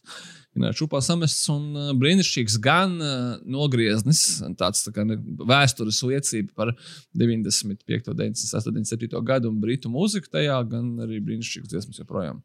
Un skaidrs, ka transportings bez šīm dziesmām, bez Blur, bez Palpa, bez Underworld un uh, Demona Oborna nav iedomājams. Absolūti ne. Kruta. Jā, noklausās. Tagad būs pēc, pēc podkāsta. Uh, laikā, kad es gāju uz uh, Kaņepes kultūras centru un uz aptieku, tad es klausījos soundtracku filmai 500 Days of Summer. Labs uh, soundtracks uh, tam laikam ir dzīves posmam, tāpēc, ka faktiski Marks Webs, kurš uh, pats ir arī mūzikas video klipu autors, uh, režisors, uh, jeb bijis pirms uh, šīs filmas, kas ir, manuprāt, viņa debijas filma, ja es nemaldos. Tad uh, 500 Days Summer ir ļoti, ļoti labs, uh, yes, hipsterīgs to the max, ja uh, mēs mēģinām kaut kādu veidu tam uzlikt. Soundtracks. Un, un uh, turienes arī viss kaut kur varēja uzzināt par tiem autoriem, par kuriem man vispār citu iespēju nebūtu uzzināt, kā teiksim, Regina Spektor, uh, vai arī paklausīties un pievērsties klasikai, kā teiksim, The Smiths. Nē, es klausos. Sorry. Nu, tāpēc, ka tu neesi redzējis pareizi. Jā, tur Jā, tāpēc es droši vien to arī neesi klausījies. Bet uh, man ir soundtrack, ko es esmu klausījies, neredzot filmu. Hamilton. N- Nu, tas bija citādi, bet uh, nu, vairāk tā, ka tiešām tas ir. Mm. -hmm. Kā vienkārši katru gadu beigās iznāk visi tie topi Jā. un saraksti, kas ir man mīļākā lietas pasaules. un Tad tur ir vien- vienmēr ir arī kaut kur uh, labāko gada soundtrack topi. Un, es, ja jūs neesat paspējis noklausīt- noskatīties filmu, es esmu noklausījies soundtracks pirms tam. Mm -hmm. Es teiksim, esmu dzirdējis dziesmas, kas skan filmā On the Rocks, Sofijas Kopols, un kaut kādas dziesmas man jau ir Spotify, mm. -hmm. bet es vēl neesmu redzējis Mm. mm. pats filmu. Bet, Mm. Tā starp citu, mēs tāpat runājām pagājušajā reizē, kad. Nu, ja man tā nekad nenotiek. Jā, jo es atceros, ka uh, viņiem ir holiday tendence izlaist kaut kādus nu, savus soundtracks. Viņi parasti iznāk ātrāk nekā pati mm -hmm. filma. Un es atceros, ka uh, Man of Steel un uh, Black Panther konkrēti šos soundtrackus es klausījos vairākas nedēļas pirms mēs skatījāmies filmu. Mm. Un, un es kāpēc es ļoti atceros Man of Steel, tāpēc, ka es vēl tā kā gāju skriet un uz džimu un klausījos tās dziesmas. Un ļoti jocīgi sajūta, ka tu filmā skaties un tev kaut kādas jau esošas asociācijas ar to, kur tā mūzika skan. Man tas nepatīk reāli. Es kā sapratu, ka tā es nedarīšu. Tas man ir sit ārā no filmas, un labāk, ka es ie- iegūšu to kopējo pieredzi vispirms, un pēc tam jau klausies, kā gribi. Nē, es cenšos tā nedarīt tā kā tieši ar to muzikālo pavadījumu, kas ir speciāli sarakstīts. Jo, tad, jā, jo, jo tas ir tā, nu, man liekas, kaut kā viņš ir tajā, viņā iekšā ir iestrādāta tā kaut kāda emocionālā uh, filmas attīstība vairāk nedaudz nekā vienkārši tādās soundtrack kompilācijās. Kaut gan es arī tādas esmu noklausījusies, bet es, ja zinu, kas viņu tūlīt nestīšos, tad aizmirsīšu pēc tam. Bet nu, tas, ko tu minēji, tur jau bija tas bēdīgs slavenais gadījums ar uh, Zvaigžņu karjeru pirmo epizodi Phantom Menace, kur bija soundtracks izlaists pirms tam, un nosaukums dziesmai pašās beigās bija Kvigona tur uh, cēlā nāve. Jā, jā, jā tu- spoiler, spoileri soundtrackā. tā kā Jā. Ne tikai LEGO Tā, ka tur ir komplektos. jāuzmanās. Tā, mēs palikām pie otrās vietas. Ja? Mhm. Ak, vēl kaut ko aizrunāties. Uh, otrajā vietā es ieliku atkal vairākas filmas, bet tur arī tas viss iet loģiski kopā, jo tā ir viena franšīze. Un nē, man nav kauns, ka es to teikšu. Tā ir Twilight franšīze. Jo, lai nu ko var teikt par krēslas filmām un to kvalitāti vai tās trūkumu, ja nu kaut kas šajās filmās strādā, tad tie ir soundtracki. How Ir īpaši, ja mēs. Kā tikai soundtracki? Uh, uh, Tim, Tim Edward un, un Tim, whatever the other guys. Jā, nu, Jacob? ļoti memorable. Jā. Un, Vai tad Um, šīs nestrādāja? mm, Nu, ne labi, tik labi, daudz. labi. Uh, nē, bet uh, tiešām, nu, ja ir kaut kas, kas ir mm, strādāt, nestrādāt, nebija īstais vārds, bet kas ir tiešām augstā kvalitāte, tad, tie ir soundtracki. Sevišķi, ja mēs runājam par, uh, mm, pat ne par pirmo filmu, kas, kur arī soundtracks ir ļoti labs, bet tajā ir dziesmas, kas jau bija iepriekš sarakstīts. Tad otrajai, trešajai, un es tagad neatceros par ceturto vairs precīzi, bet uh, Ļoti īpaši tieši otrajā un trešajā filmā viņiem bija speciāli sarakstīts dziesmas, un to darīja tiešām arī krūti izpildītāji. Tās dziesmas ir arī ļoti labas un klausāmas. Tur ir, teiksim, Toms Jorks otrajā filmā ar Hearing Damage, tur ir The Killers, tur ir uh, Muse ar Matthew Bellamy, St. Vincent ar šo Boniveru, Editors un uh, vēl ļoti, ļoti, ļoti daudz citi. Un tās dziesmas viņas tādas, nu, piestāvētāji filmai, bet uh, šajā gadījumā, man liekas, šis gan ir gadījums, kad, ja tu pat negrasies nekad skatīties krēslu, kas ir pilnīgi absolūti saprotams lēmums dzīvē, un es to droši vien atbalstu arī diezgan nopietni, bet tu vari pilnīgi mierīgi klausīties šos soundtrackus kā atsevišķas vienības un nekādā veidā nesaistīt viņus ar krēslu. Un tās dziesmas ir vienkārši kvalitatīvas, uh, patīkamas, klausāmas dziesmas. Uh, līdzīgi Es te varētu piekabināt, ko drusku mēģināju, bet man liekas, varbūt ne tik veiksmīgi, bet nu, mēģināts nav zaudēts. Arī Hunger Games pēc tam kā, centās, viņiem bija vesels. Uh, soundtracks filmai Mockingjay, ko kūrēja Lorde. Tur arī tādas vairākas dziesmas bija diezgan sakrīgas, bet kaut kā nu, viņiem, man liekas, nav, neizdevās uzķert to, to, to, to kaut kā to sajūtu tik labi kā Twilight kas, kas jā, es atkārtošu, tie albumi ir kā, pilnīgi, absolūti klausām bez jebkādas asociācijas ar krēslu, ja tā negribas. Ja es redzēju krēslu, tad kaut kāda asociācija būs, bet viņa pat netraucē, jo tās dziesmas ir tik klausāmas, ka viņas pārmāc to krēslīgumu. If you say so. Tas laikam ir pareizi, vai es nezinu, vai tas ir pareizi. Ka klausies soundtracku, tev tas patiks, jo tu neatcerēsies filmu. Fuh! Jā, Nē, nu, kā, viņi man liekas, eksistē. Viņi kaut kā pārceļas pāri tai. Jā, mm. nu, tā kā viņi uh, transcendo to, yes, yes, to, to, to krāsu. Ok, Sergei, kas tev otrajā vietā? Pārmaiņas pēc filmu, kas nav no manas bērnības, kur vienkārši tu neko neesi sapratis un dzirdējis, un tāpēc tas viss liekas fantastiski labs. Uh, tā ir uh, 2018. gada filmas soundtracks. Tas ir Black Panther The Album, kas, manuprāt, ir vienkārši dišs albums. Mēs daudz esam runājuši par to, kā Black Panther kā filma ir diezgan daudz ko arī mainījusi kino pasaulē, vai, ka, vai kā varbūt daudziem negribētos par to domāt. Tad, nu, tiešām viņi ir ļoti, ļoti jaudīgi ir, um, gan par reprezentāciju, gan vispār. Un uh, albumam tur ir ļoti liela, neteiktu, būtiska nozīme, tāpēc, ka uh, mūzikai ir vienmēr bijusi milzīga loma. Uh, kaut kādas grupas identitātes veidošana un Black Panther albumu.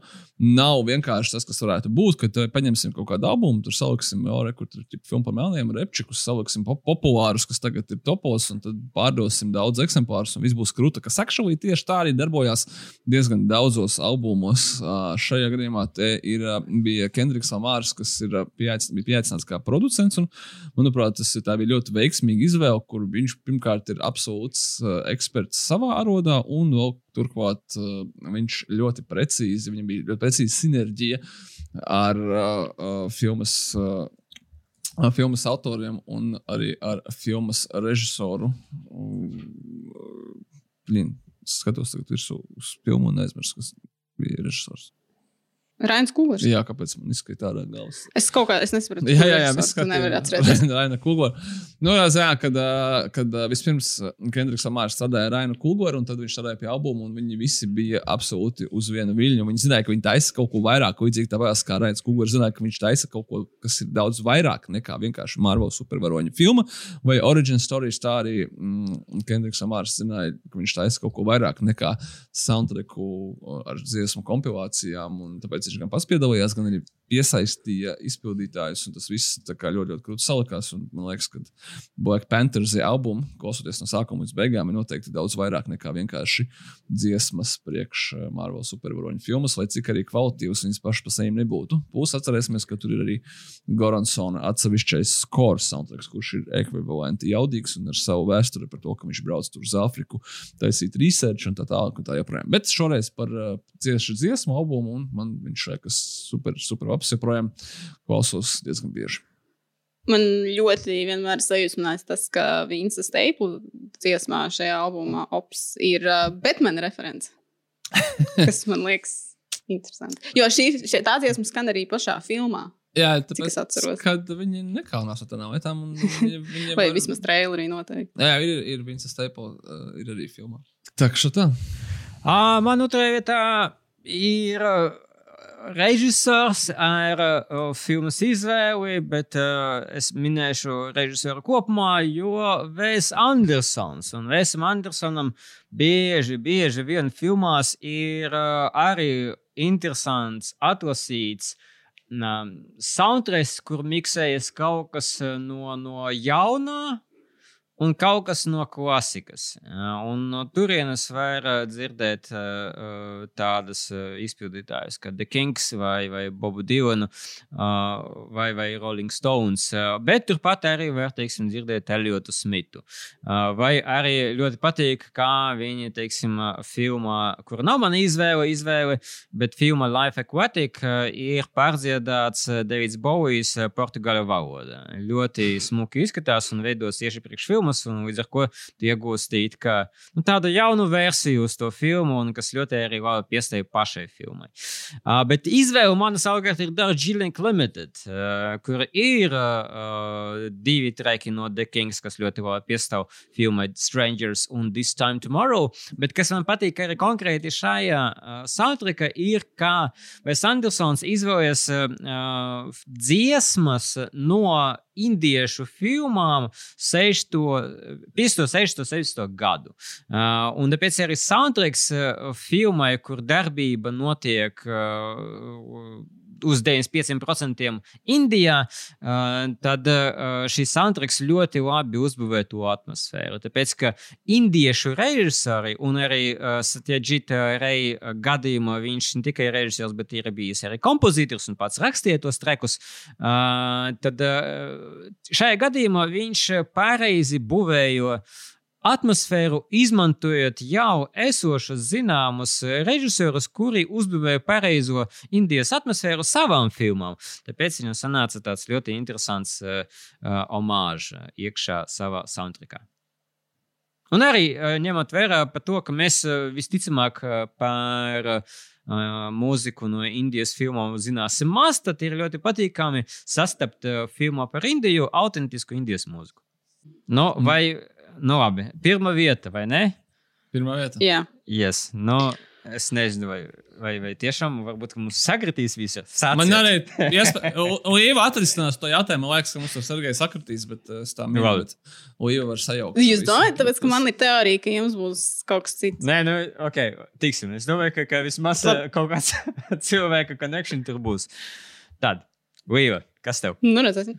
Uh, pirmajā vietā es ieliku, tā, kā, tā būs viena filma, kas ir kā primāri pirmajā vietā, bet es piekabināju vēl divus klāt, kurus sapratu, ka man arī gribas pielikt. Uh, tas, ko es nedarīju ar uh, šo topu, es tur neliku iekšā mūzikls, nu, kas ir kā, mm -hmm. teiksim, no sērijas Hamiltons, vai kas, nu, kas eksistē kā, kā jau kā zināmas dziesmas, vai Grease. Vai, nu, jo man liekas, ka tas nebūtu īsti godīgi, jo tur jau tās dziesmām viņam ir tāda tā kā, priekšrocība kaut kāda. Es tādas es izmetu, bet ko es atstāju, ir. Uh, Films, kurām ir speciāli sarakstītas šīs dziesmas, kuras ir gandrīz tā kā nu, pa, pus, pa pusē mūzikli, bet varbūt īsti viņi nav kā mūzikli, bet tur tā mūzika viss ir īpaši speciāli radīta tam. Un tad kā pirmo, pirmo, pirmo vietu es ieliku uh, filmu. Kuru es noskatījos tikai vienreiz, bet tās dziesmas, un atkal jāsaka, ka es viņas neironiski klausos, jo man viņas tiešām patīk. Regulāri ir uh, Popstar Never Stop, Never Stopping, kas ir The Lonely Island, uh, jeb uh, Andy Samberga. Uh, Un uh, Akīvs Šefers un Džormas Takons grupas uh, radītie, radītās kompozīcijas un arī filmu. Filma stāsta par uh, tādu caurkritušu reperi un viņa tām uh, viņa centieniem atgūt slavu. Tur ir ļoti, ļoti, ļoti daudz šīs uh, Lonely Island tipa, uh, viņiem raksturīgās dziesmas. Un, uh, jā, man ikdienas rotācijā ir gan uh, galvenā dziesma, I'm so humble, gan arī Mona Lisa, gan tur. Uh, Ibīstā, gan uh, viss kaut kas cits. Tās, film, nu, tās dziesmas viņas ir nu, stulbas, bet viņas ir apzināti stulbas un kaut kā. Viņi pie viņiem tik ļoti pierod, ka viņas klausies, un viņas tiešām kļūst uh, patīkami jautras. Mm -hmm. un, mhm. un, jā, un es zinu visus vārdus uh, dziesmājām savu hambulu no galvas, un ne, man nav par to kauns. uh, es uh, noskatījos tikai vienreiz, bet es gribu to noteikti izdarīt kaut kad vēlreiz, jo tur arī, cik es atceros, bija interesants šīs dziesmas, un arī tas ir atkal The Lonely Island produkts. Bet uh, Netflixā ir tāda īpatnēja filma, es nezinu, jūs viņu skatīsieties. The Unauthorized Bash Brothers Experience. Uh, Tā ir tikai pusstundu gara. Un, uh, tur to stāstu es nemēģināšu izstāstīt, jo es uh, šausmīgi viņā tur arī neorientējos. Tur ir uh, stāsts, saistīts ar beisbolu un kaut kādiem caurkrustušiem beisbolistiem. Bet uh, tur arī tur ir tas pats princips, ka tur ir tās Lonely Island dziesmas un kaut kāds pilnīgs vājprāts norisinās. Un tad šo es gribu nostīt. Tas vēlreiz, un jā, tie tikai pusstunda, tā ka noteikti jāapmēģina. Bet uh, Popstar es, es klausos un turpinu klausīties. Un tas, ko es gribēju vēl piekabināt, vēl divas filmas šai kategorijai, kur ir kā, šīs īpaši radītās dziesmas. Uh, Kaut ko pilnīgi tonāli pretēju Inside Louis Davis, Coinbride uh, filma ar uh, ļoti, ļoti foršām tādām folk dziesmām. Uh, viens no manas dzīves sāpīgākajiem brīžiem ir tas, ka dziesmā Please, Mr. Kennedy nav Spotify pieejama. Tā man ir jāklausās, kad es vēlos klausīties YouTube, un tas man liekas, ir drausmīgi negodīgi. Un uh, otra filma būtu atkal kaut kas pišķi toņa ziņā citāts, uh, A Star is Born, kur bija Lēdijas Gāgas, protams, komponētās dziesmas, un tā ir arī, tas ir tāds pilnīgi absolūti forši klausāms popa albums, un strādā gan filmā, gan arī ārpus tās.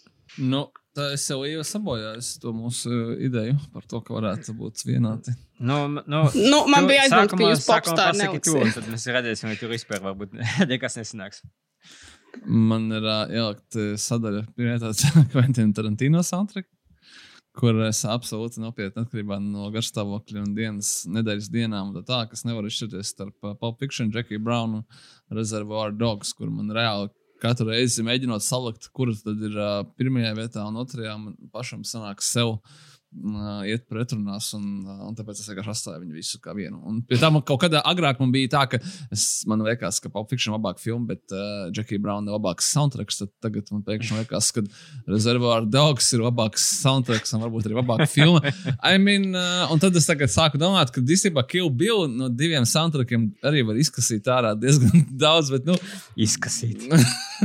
tāds, kas Man- uzvarētu. Man bija Kill Bill pirmās daļas soundtracks uz diska, un es viņu noklausījos tik daudz, ka saskrāpējās tas disks. un Viņš, vairs tā kā, viņš sāka, nu, tā kā, zin kā, skipot, kad uh, bija tie vecie, vēl atceraties, CD playeri. Jā, mēs esam jau tik veci, ka mēs pat tos CD players. Uh, Jā, jā, jā. Bet, uh, bet, bet, jā, viņš tā kā vairs normāli neskanēja. Tas bija skumji. Bet, uh, bet uh, Ansapēna Time un Hollywood soundtracks, teiksim, tur, tur ir divas vai trīs dziesmas, kas man ir pārgājušas postē, bet nu, nebūs. Un es neatceros, kas bija mm, šajā te Deathproof soundtrackā. Stu- Man ir uh, no Tarantino diezgan daudz no Django un Chain. Jā, jā, Django arī labs ir, bet. Uh, Un no ba Bastards arī šis tas. mm, Nu, es tad vienkārši minēšu, ka man arī pilnīgi vieta Kventis Tarantino. uh, un uz to es arī cerēju, bet es gan ieliku Sergeju Once Upon a Time in Hollywood. Un, un uh, iemesls laikam arī tāds, ka man ļoti patika, kā viņš meklējot uh, uh, dziesmas. Uh, savā katalogā, mūzikas filo un cinefilo katalogā atrod kaut ko, ko tu vispār nekad neesi dzirdējis. Kaut arī tajā laikā tas, teiksim, būtu bijis populārs. Jeb kaut kas no tiem laikiem uh, līdz mums nonāk uh, vairāk tāds jau atfiltrēts un uh, klasiskāks, ko mēs esam parasti dzirdējuši, bet kaut kādus džemus. Bieži vien es sastopu, tīpaši man, kas mazāk interesēs, es tieši sastopu Quentin Tarantino soundtrackos. Un man ļoti patīk, ka Once Upon a Time in Hollywood savukārt viņam bija arī konkrēts uzstādījums. Es gribu paņemt tikai konkrēti tos streikus, kas skanēja ap to laiku, 69. gadā, tātad februārī un augustā. Jeb divi laiki, kad notiek filmas darbība. Tik tālu, ka viņš pat uh, ir mēģinājis meklēt, kuru, kura dziesma skanēja tajā radiostacijā, tajā laika periodā, tajā dienā. Lai es to varētu ielikt, lai uh, tad, kad Klīvis būs brauc pa Losandželosu, savulaini viņš dzird tieši to, ko tad viņš varētu dzirdēt. Un tā, tāda attieksme detaļā man vienkārši fascinē. Tas arī plus, ka, ka Tarantino ielika Spotify, nu jau Tarantino pats ielika Spotify, bet Spotify atrodas ne tikai tās dziesmas, bet arī visas tās reklāmas, kas bija pa vidu uh, uh, filmā un pa vidu tad uh, starp dziesmu radiostacijās. Uh, tad uh, tas uzbūvē vēl interesantāku sajūtu. Tīpaši, ja tu iesaistīsi šo soundtracku kaut kur braucot, un vai nu braucot, tad tagad mums būs arī braukšana pa vasaru, un tad saulainēja laika iesaistīt Once Upon a Time in Hollywood ar visiem tiem radiostaciju trekiem. Būs tiešām sajūta, ka tu drusku pārnesies uz 69. gadu. Es ļaušu nostāvēties mazliet viņam vēl. Kā, mm. ja es domāju, ka tas tā varētu būt arī. Vienkārši tie iepriekšējie jau, jau, jau ir stood the test of time. Mm -hmm. Nu, nebija tik traģiski. Vismaz man. man gan honorable mentions ir, like, uh, Nu, gandrīz nav viena filma. Bet tāpēc sāksim Tas, ar jums. Nē, nav sācis ar to, ka tu tur Ah, mana, jā. Ja? Skat pilgrim, nu, kas tu vēl varētu. Kāpēc nebija topā? Tas bija tas, ko, tas bija tas, ko es domāju, kas tev būs pirmajā vietā. Jā, kad, vai nu. Scott Pilgrim vai Baby Driver, nu, respektīvi Edgars Rāds. Ah, man skatu piegrima ir tā, ka man patīk tas soundtracks, un es esmu labprāt arī noklausījies tas eh, visus papildus sacerētas eh, dziesmas, ir tīpaši, protams, 12 sekundžu garu dziesmu I'm so sad, so very, very sad, mans mīļākais treks no filmas Scott Pilgrim vs. The World. Bet tieši soundtracku no sākuma līdz beigām es netik bieži varbūt arī klausījos. Pat, pat konkrēti Scott Pilgrim, un es teiktu, ka, teiksim, to pašu the Dead esmu dzirdējis vairāk, jo, jo tur savukārt ir tīri konkrēti Edgara Raita atlase, un savukārt Scott Pilgrima uh, ir tieši tas vairāk mūzikā sajūta, kur dziesmas ir vairāk pieskaņotas filmai, kas ir absolūti noteikti. uh, Es esmu pār, un tas iedod papildus atmosfēru filmai, bet uh, kā soundtracku es viņu klausos gan reti. Kas nozīmē, mana gadījumā gandrīz nekad. Bet, uh, bet tur ir uh, garbage truck, Chuck, kas ir chuck, manā yes, skatījumā ģeniāli dziesma. Nē, nu, ta- tas es atceros, dziesmas, visas dziesmas, seks, bobombu, un, un arī dziesma no Envija man, jā, absolūti ļoti patīk. Jā. Un arī Ramona, es dažreiz, ok, Ramona dziesmu, es dažreiz pat varu iedziedāt, jo to es atceros. Tur ļoti simpli vārdi. Jā, es gaidīju, ka tev būs pirmajā vietā Edgars Raits, bet uh, Sergei Timoņin, es gaidīju, ka tev pirmajā vietā būs Guardians of the Galaxy. Ču- Tas vispār bija aizmirsts par šo. Smieklīgi, bet. Uh, es viņu speciāli Man liekas, neliku. man liekas, ka uh, man viņš tiešām pat nav. Es tagad viņu ielikšu pie honorable mentions, bet uh, man liekas, ka. Uh, Pieci pie maniem arī. es, es, man liekas, ka es zinu, ka, kāpēc tas tā varētu būt. Tāpēc, ka viņš ir uh, vienkārši ir pārņēmis jau to filmu un ir kaut kur izgājis ārpusē. Nu, I mean, tā kā tev parādīja visu laiku skan mm. kaut kāda viņa dziesmas, kas ir noteikti skan tur tādēļ, ka viņas ir bijušas Guardians of the Galaxy filmā vai kaut kādos tur, nezinu, ārā kafejnīcās. Viņš tiek līdz kā soundtracks, viņš ir aizgājis kaut kādu savu dzīvi dzīvot. Viņš man ir kaut kādā ziņā bišķi diskonektējies no tās oriģinālās filmas. No kuras es vairāk atceros, tagad skors pēc tam, ka mēs tagad atkal Marvels pacēlās aktualitātei un es sāku klausīties. Tas ir interesanti. Jā, protams, ka Guardians ir abus fantastiskie soundtracki. Mm -hmm. viņi, viņi, viņi kaut kādā ziņā, tas ir tas soundtracks, kas ir tieši Tarantino līdzvērtīgs, kur režisors ir paņēmis filmas, full dziesmas un kaut kādā ziņā uzbūvējis ap viņām to attēlu un tā tālāk, bet uh, viņš ir aizgājis dzīvot savu ceļu. Labā nozīmē, bet jā. Bet uh, jautājums, uh, pirmās filmas vai otrās filmas soundtracks?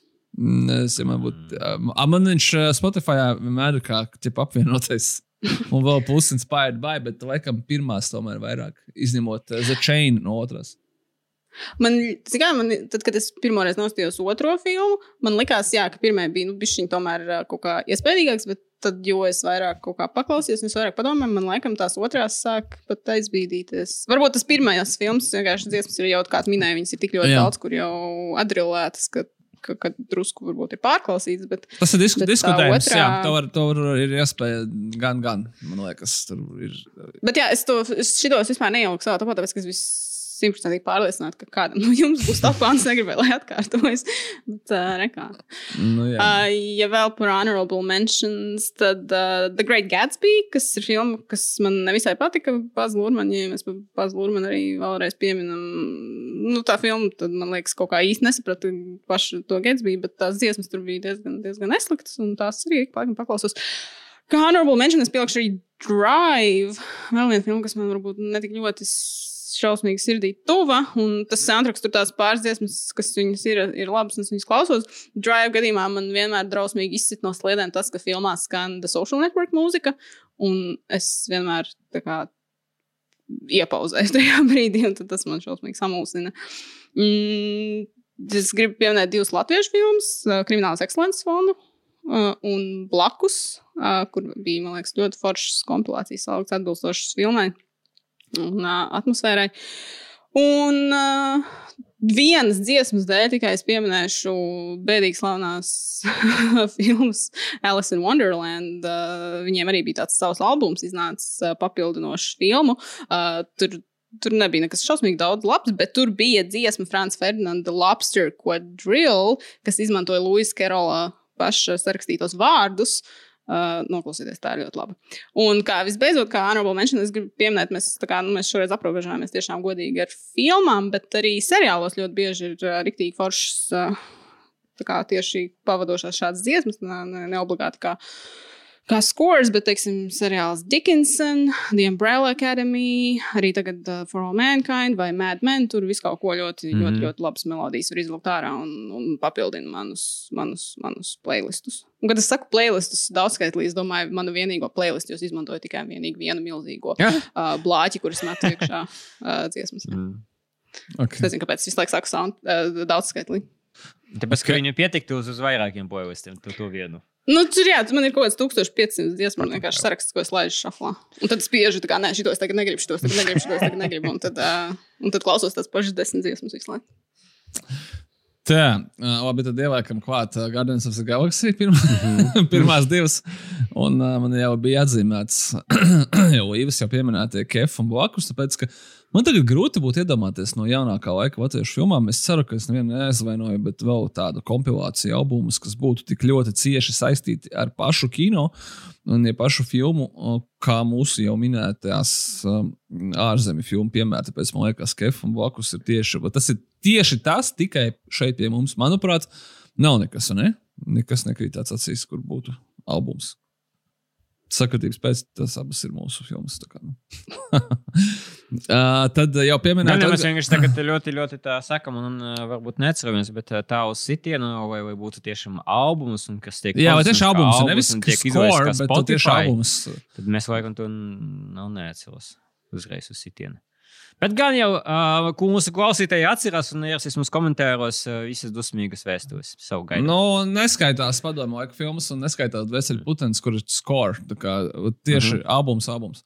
Jau pieminētais Edgars Raits un jā, Baby Driver. Īstenībā, kāpēc tas mm -hmm. Honorable Mentions ir tik krūts soundtracks, bet īstenībā vienkārši, vienkārši būtu ielicis kaut kur topā pie, iespējams, Black Panther kaut kur tur, bet, nu, ko tad, ko nu vairs. Uh, Līvu, tu paturpināt tavu filmu, kura man tā nu, nav pārāk sirdī tuva, bet soundtracks ir lielisks. Ir filma The Beach, vēl viens um, Denijs Boils šajā topā. Uh, tad uh, vēl viena filma, kas man ir ļoti tuva un mīļa, bet man liekas, ka uh, tas ir uh, vairāk nostalģisks nekā faktiski kvalitatīvs soundtracks. Un man arī bija audio kasete kopā ar Baza Urmanu, Romeo un Džoju. Bija Roberta Rodrīgeza From Dusk Till Down, ko visi droši vien ir ļoti labi atcerās ar visām Tito un Tarantulas dziesmām, kas arī filmā un tā. Bet es varētu teikt, ka es viņu pieliku kaut kur klāt pie Tarantino soundtrackiem, bet nu, tā kā uz beigām, tāpēc, kad ir ideja līdzīga. Mm. Un, un tā. Un no seriāliem ļoti labi, kad pieminēja, tāpēc, ka es tagad pieliku klāt. Sons of Anarchy's um, kopējais albums, tāpēc, ka šis seriāls man iemācīja to, ka tu paņem un, un katras sezonas, bet beigās arī katras sērijas beigās vienkārši taisa 5 minūšu montāžu, kur tu paņem vecu country vai roka dziesmu, pārdzied, pārdzied viņam mūsdienu lēnā sēd rock cover versijā, tā sanāk brīnišķīga montāža, kur galvenie varoņi kaut ko izdara riebīgi, dramatiski, un fonā vienkārši tā dziesma skan, un tad pēc tam tu viņu klausies. Ļoti vienkārši tā kā reāli vesels žanrs. Jūs uz mani skatāties, jā. Okay. Nē, te jau viss pateica. Tu jau pateici. Nē, es esmu, ko es vēl varu uh, pielikt klāt. Es man tieši bija galva, ka varbūt man vajadzētu. Pats tūlīt. Nu, vai nevajag?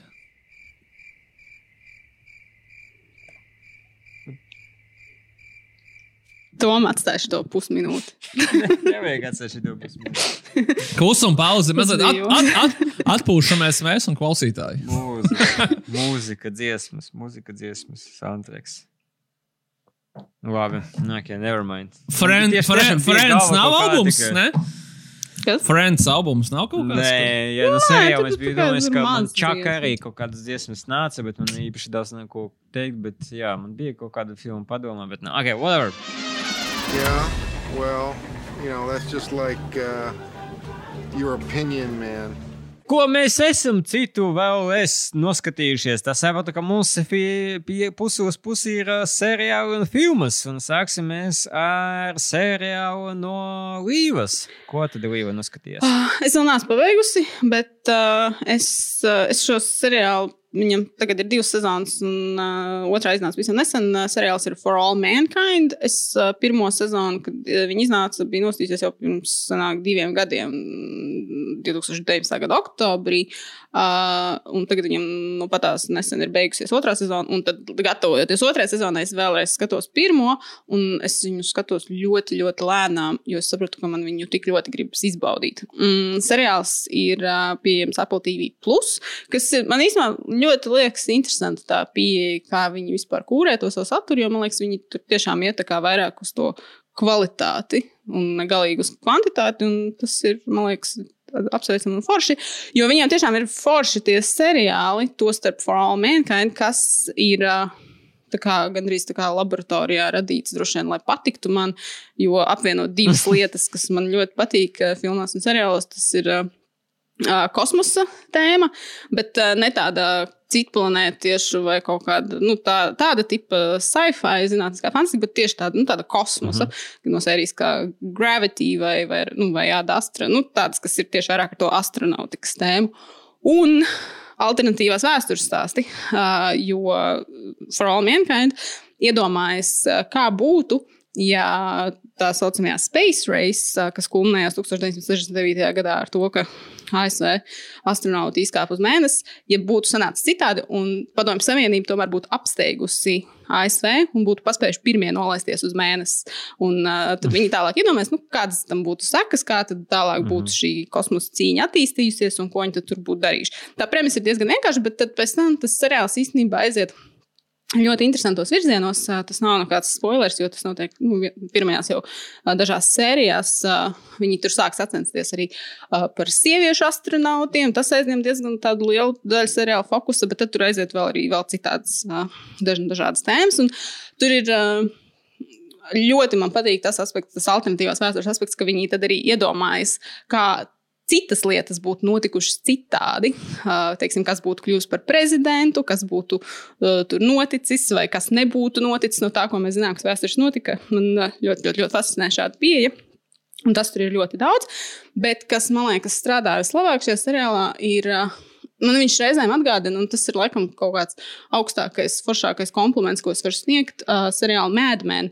Uh, tajā ziņā, ka viņi ļoti precīzi, ļoti atmosfēriski rada to tā laika vidi. Tie ir nu, 60. gadu beigas, 70. gadu, un tad, uh, tur ar vien tālāk viņi, nu, vēsturiski kustās uz priekšu. Un, uh, viņš ir tāds lēns, diezgan arī pacietību prasošs seriāls. Tur gan ir arī ļoti daudz to interesantu elementu, jo nu, tomēr kosmos un viss ar to saistītais un raķetēm un pārējo nodrošina arī tādu kaut kādu action elementu reizēm, bet ne tādu actionīgu tiešām. Tur, uh, Saku, viņam tāds tā, tā atmosfēra un, un, un vide ir, man liekas, krietni svarīgāka. Un tur ir ļoti, ļoti interesanti arī tie tēli, jo mēs iepazīstam gan astronautus, gan arī NASA cilvēkus, kas strādā, zinātniekus un inženierus un vispārējo, gan arī astronautu ģimenes. Un, tur kopā savāds tāds ļoti, ļoti, ļoti, ļoti interesants kolektīvs.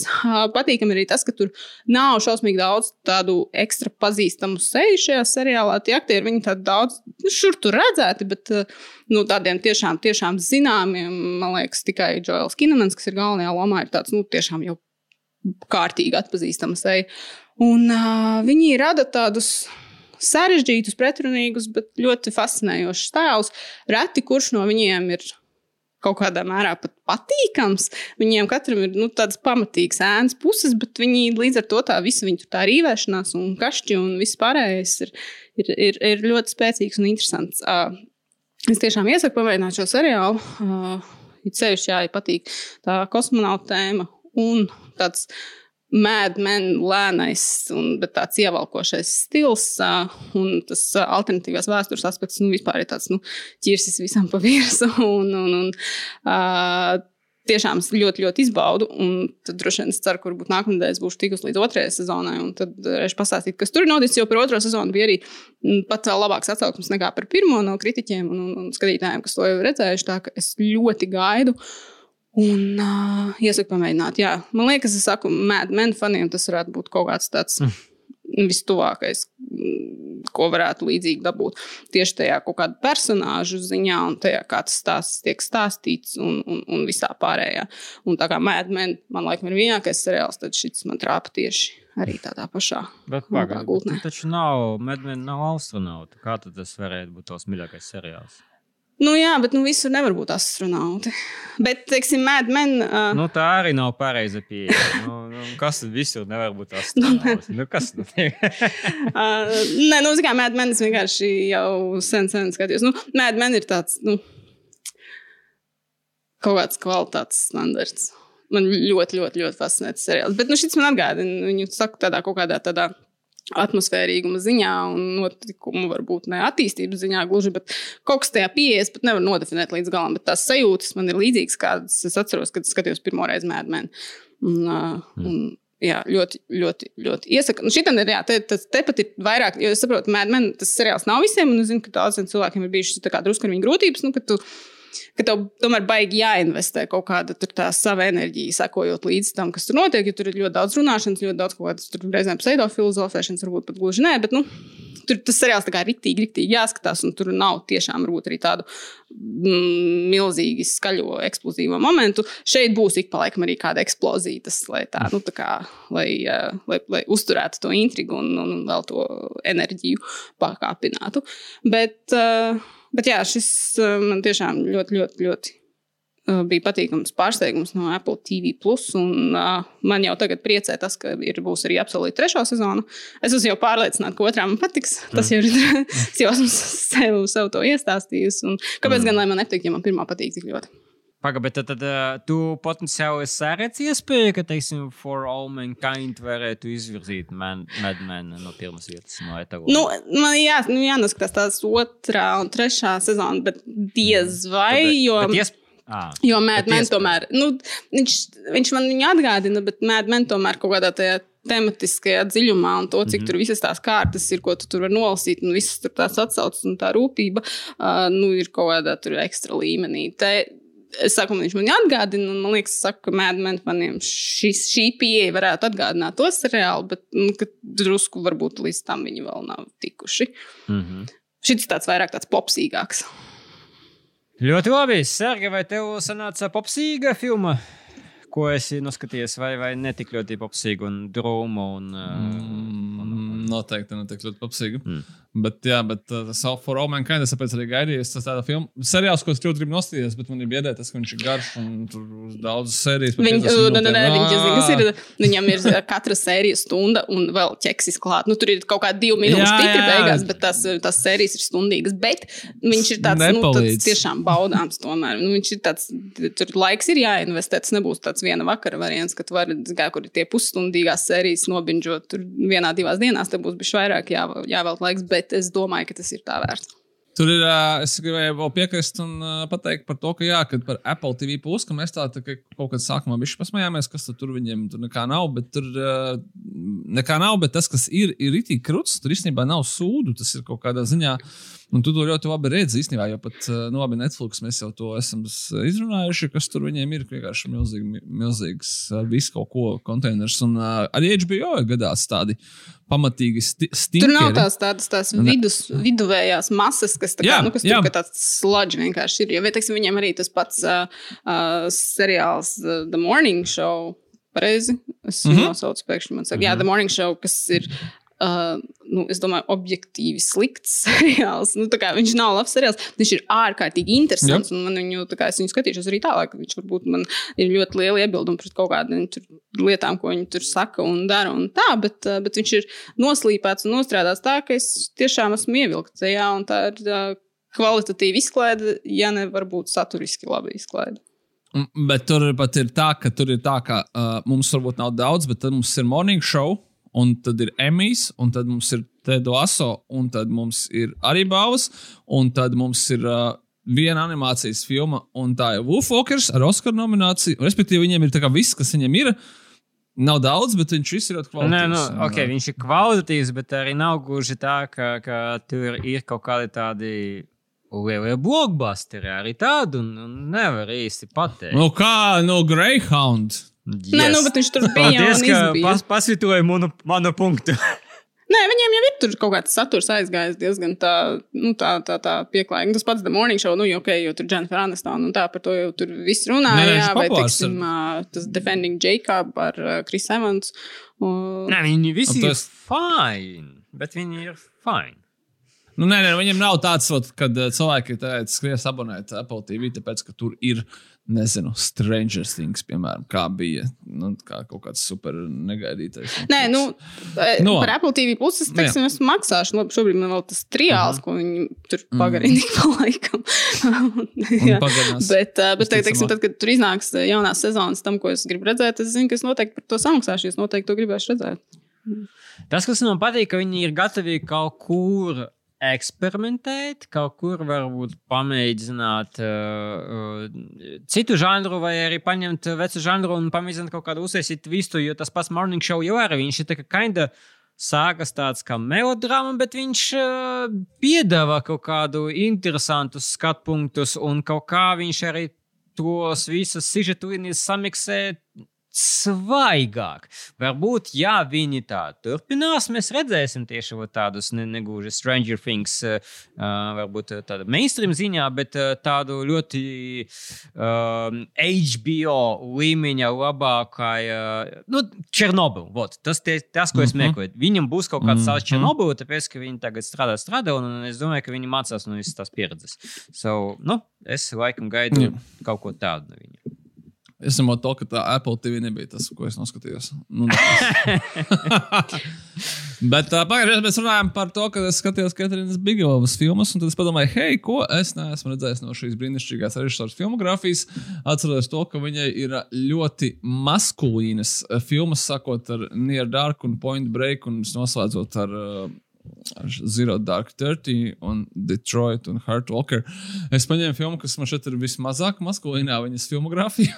Tā ir 2000.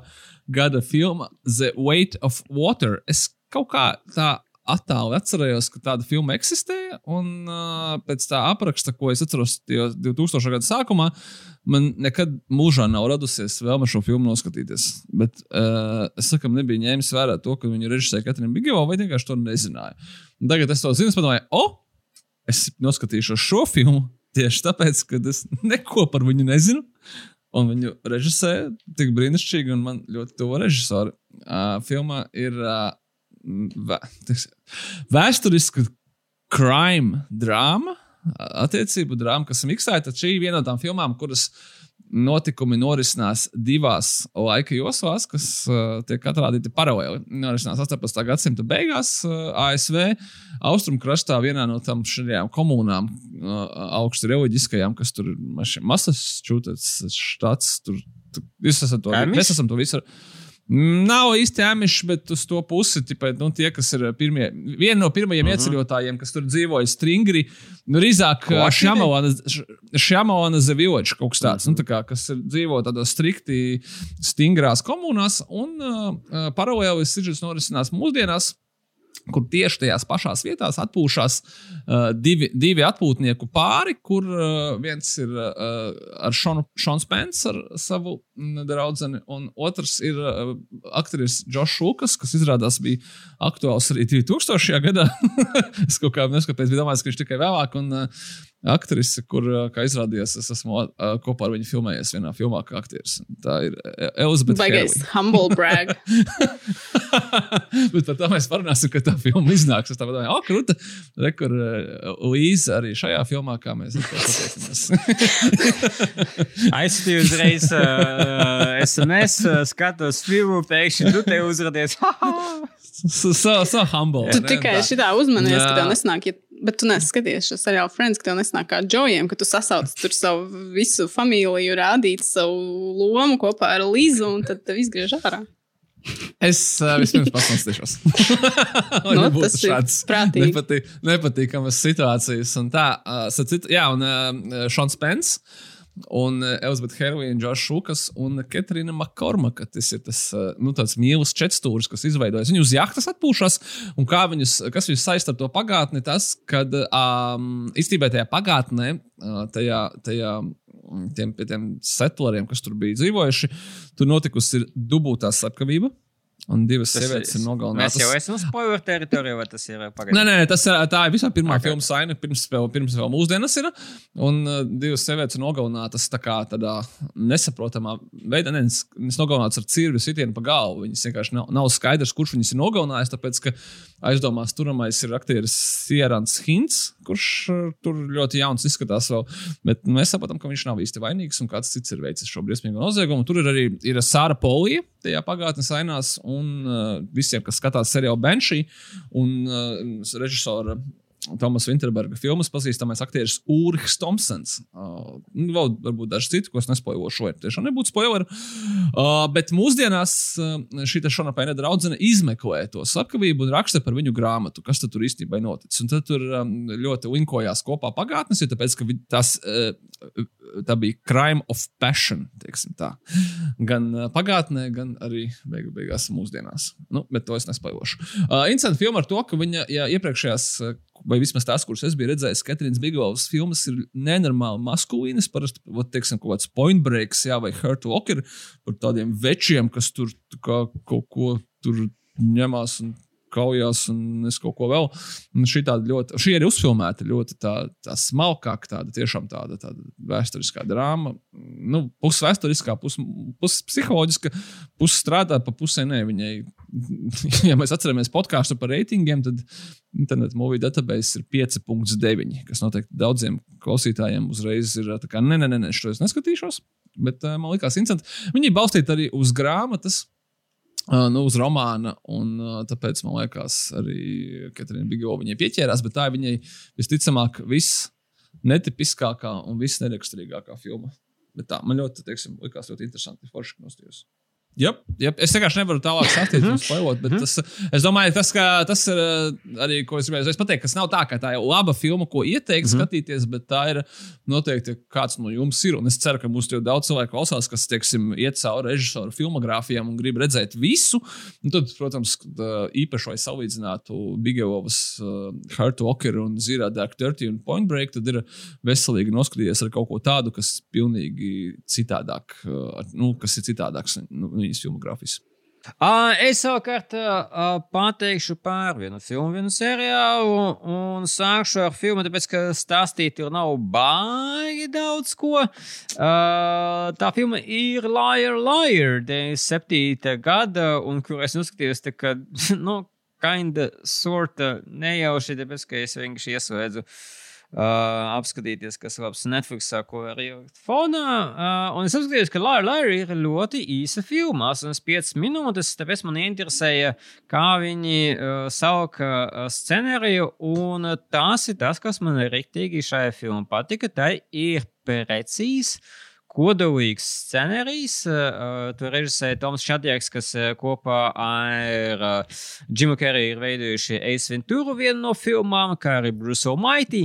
Uh, un šajā scenārijā ir precīzi katra aina virza sižetu uz priekšu. Ir ļoti skaidri uh, divas paralēlas sižetu līnijas, kā Jima Kerrija personāžam klājas mājās, versus kā viņam klājas darbā, un arī darbā, kur viņš strādā par advokātu, lieta, kur viņš tagad, uh, ko viņu vajadzētu aizstāvēt, vai pie kā viņu vajadzētu tagad strādāt, atsaucas kinda uh, simboliski ar, uz viņa problēmu ģimenē. Tāds ļoti, ļoti uh, scenārijs pēc formulas, bet tā izpildīts uh, līdz, līdz uh, no A līdz Z. Uh, tāpēc, ja nu, kādam gribas noskatīties tieši tādu formulu, Hollywoodas, pēc kuras tad viņi saražoja šo filmu par 40 miljoniem, un pēc tam viņa uh, pa pasauli savāca 300. Tad reku šis ir ļoti labs piemērs. Plus ir fascinējuši tagad kaut kā skatīties arī svaigu aci uz, uz Kerija aktieru prasmēm, nevis ka viņš tādu personāžu pārspēlē, bet arī nepārspēlē, uh, veidojot, ka, ka tiešām ir uh, tāds drusku gigli prieks skatoties. Uh, un viņam pretī mazā loma, uh, bet ir arī Kerijs Iljus, kuram, kuru es vispār aizmirsu, ka viņš tur spēlē tādu uh, dorky, uh, uh, romantisko konkurentu. Un tas, ko es savukārt nezināju, ja mēs runājam par fun faktiem, ka Hugh Grants bija paredzēts uz šo lomu, bet, nu, beig beigas kaut kas nesanāca. Savukārt, Bet, Sergei, vai tu zini, kas ir bijusi Hugh Granta draudzene? Uh, es dzirdēju, ka viņa kaut kur filmēs ar manu pazīstamu aktieri, ar kuru es strādāju filmā Kriminālas ekscelences fonds. Uh, so Jā, mums ir connection pie that- that is true. Yeah. Tu esi būtībā divu rokas no indeed. Hugh Granta. Skaidrs jau, ka, ka mans kolēģis visticamāk nekad vairs nedabūs iespēju paspiest uh, roku Herlī, bet uh, nomināli mēs varam teikt, ka jā, divi rokas spiedieni bija. Uh, un, uh, un savukārt seriāls ir uh, Broad City, um, kas ir iznācis tagad, es domāju, 14 vai 15 gadā. Un uh, es pirms kādiem četriem gadiem laikam arī noskatījos pirmo sezonu un uh, ar visu plānu, ka es skatīšos arī otro, bet kaut kas, I don't know, life happened un, un, un beigu beigās nesanāca, tāpēc es tagad uh, īstenībā atgriezos uh, un man uh, tiešām prieks, es atradu sev jaunu uh, smieklīgu, mūsdienīgu sitkomu. Jo mums ar sievu ir tā, ka mums jābūt obligāti vienam uh, seriālam. Seriālam dramatiskam, kas ir kā stundu garš, teiksim, Handmaid's Tale tagad gaida savu kārtu, uh, kas tad uh, mums uzbūvēs to, to drūmu atmosfēru, bet mums vajag arī kādu īsu zem pusstundas uh, sitkomu, uh, kuru var iesvērt, kamēr, teiksim, uh, mums ir ēšanas pauze. Un tad Curb Your Enthusiasm ļoti labu vietu šeit ieņēma, tāpēc, ka viņam bija vesels desmit sezonas, bet tagad mēs atraduši arī Broad City. Broad City balstās uz uh, web seriālu, kuru desmitajā gada palaida Ilana Glazera un Nebija Jacobsone, kas ir arī šī seriāla gan veidotājs, gan arī galveno lomu atveidotājs. Un tā viņi veidoja savu tādu mazu web seriālu, uh, kuru pamanīja Emīļa Polera, un tad samantarēja šīs tās divas lēdijas, uh, palīdzēja kopā nopičot uz televīziju šo seriālu, un pati pēc tam kļuva par vienu no no seriāla producentiem. Seriāls stāsta par mileniāļiem Ņujorkā, Sergeja mīļākais temats, uh, un uh, pāriet nu, pa visiem uh, laikam svarīgākiem tematiem, kurus aizrauja mileniāļus Ņujorkā. Jeb tur ir joki par Ņujorkas īri, par ņujorkiešiem, par zāles smēķēšanu, par seksu. Uh, un bieži vien tur ir absurda humors, vai arī ir kaut kādas ļoti savādas situācijas, no kurām šis seriāls neizvairās. Un tāpēc man, es nezinu, galva sakrita, ka tāds uh, savāds miks no seriāla Friends un seriāla Beavis un Butthead. Ka tur ir kinda gan tas, gan tas. uh, Un uh, tāpēc, uh, ja jums šīs promis patīk, un, un uh, jūs gribētu noskatīties arī kādu seriālu, kas mēģina staipīt šo uh, situācijas komēdijas formātu, tad uh, Broad City ir piecas sezonas. Uh, es gan ceru, ka, ka jums izdosies to atrast. Uh, labāk, laikam, sūtīt uh, uzreiz būrēju. Uh, vai arī meklēt, liekas, ka Apple TV arī ir. Uh, nevis Apple TV piedošana, bet aicinās arī varēja nopirkt uh, veselu sezonu. Nu, lūk, Uh, tā kā abas komēdijas noteikti ir vērts noskatīties. Ja Laira, Laira nav redzējis, tad, tad uh, absolūti Netflix 85 minūtes tikai ko izterēt. Alrighty then. Tas arī būtu viss no mūsu puses. Mēs gaidām jūsu jautājumus, mēs gaidām jūsu dreamcastingu jaunā Raina Johnsona filma Nice Out, ko jūs gribētu redzēt uz liela ekrāna. Marku Wahlbergu beidzot, jēj! Uz Jūsu soundtrackus mīļākos arī. Absolūti, arī kurus mēs esam aizmirsuši. soundtrackus. Es jau vienkārši šo tēmu nobucēju no atmiņas un vairs par viņu nedomāšu, bet soundtrackus arī var nosūtīt uz hello at kinokūs.clv vai arī citur mūsu sociālos tīklos. Un, ja jums patīk šīs podkāsts, kam es ticu, ka tā that's the case, ja jūs noklausīties veselas divas stundas ar šo podkāstu, tad es ticu, ka jūs gribētu arī atbalstīt gan podkāstu podkāstu, gan arī visa projekta attīstīšanu. Tāpēc to var izdarīt vai nu atbalstot mūsu Patreon, vai nu pastāstot par šo podkāstu saviem draugiem, nošarojot sociālos tīklos, vai arī uzrakstīt par to recenziju, teiksim, Apple podkāstu platformā. Šo podkāstu, šī podkāstu direktors kādu jūs dzirdēsiet pateicoties to un cilvēkam, un mēs viņam pagaidām vēl dodam joprojām tikai vienu vārdu, vēl pagaidām neesam viņu uh, promotējuši uz diviem vārdiem. Tāpēc viens vienīgais vārds tom, un šis vārds ir. Californication. Nu, I mean, nu, intro dziesmu vairs klausīties. Uh, un no kinokota komandas uh, paldies jums par uzmanību un līdz nākamajai reizei!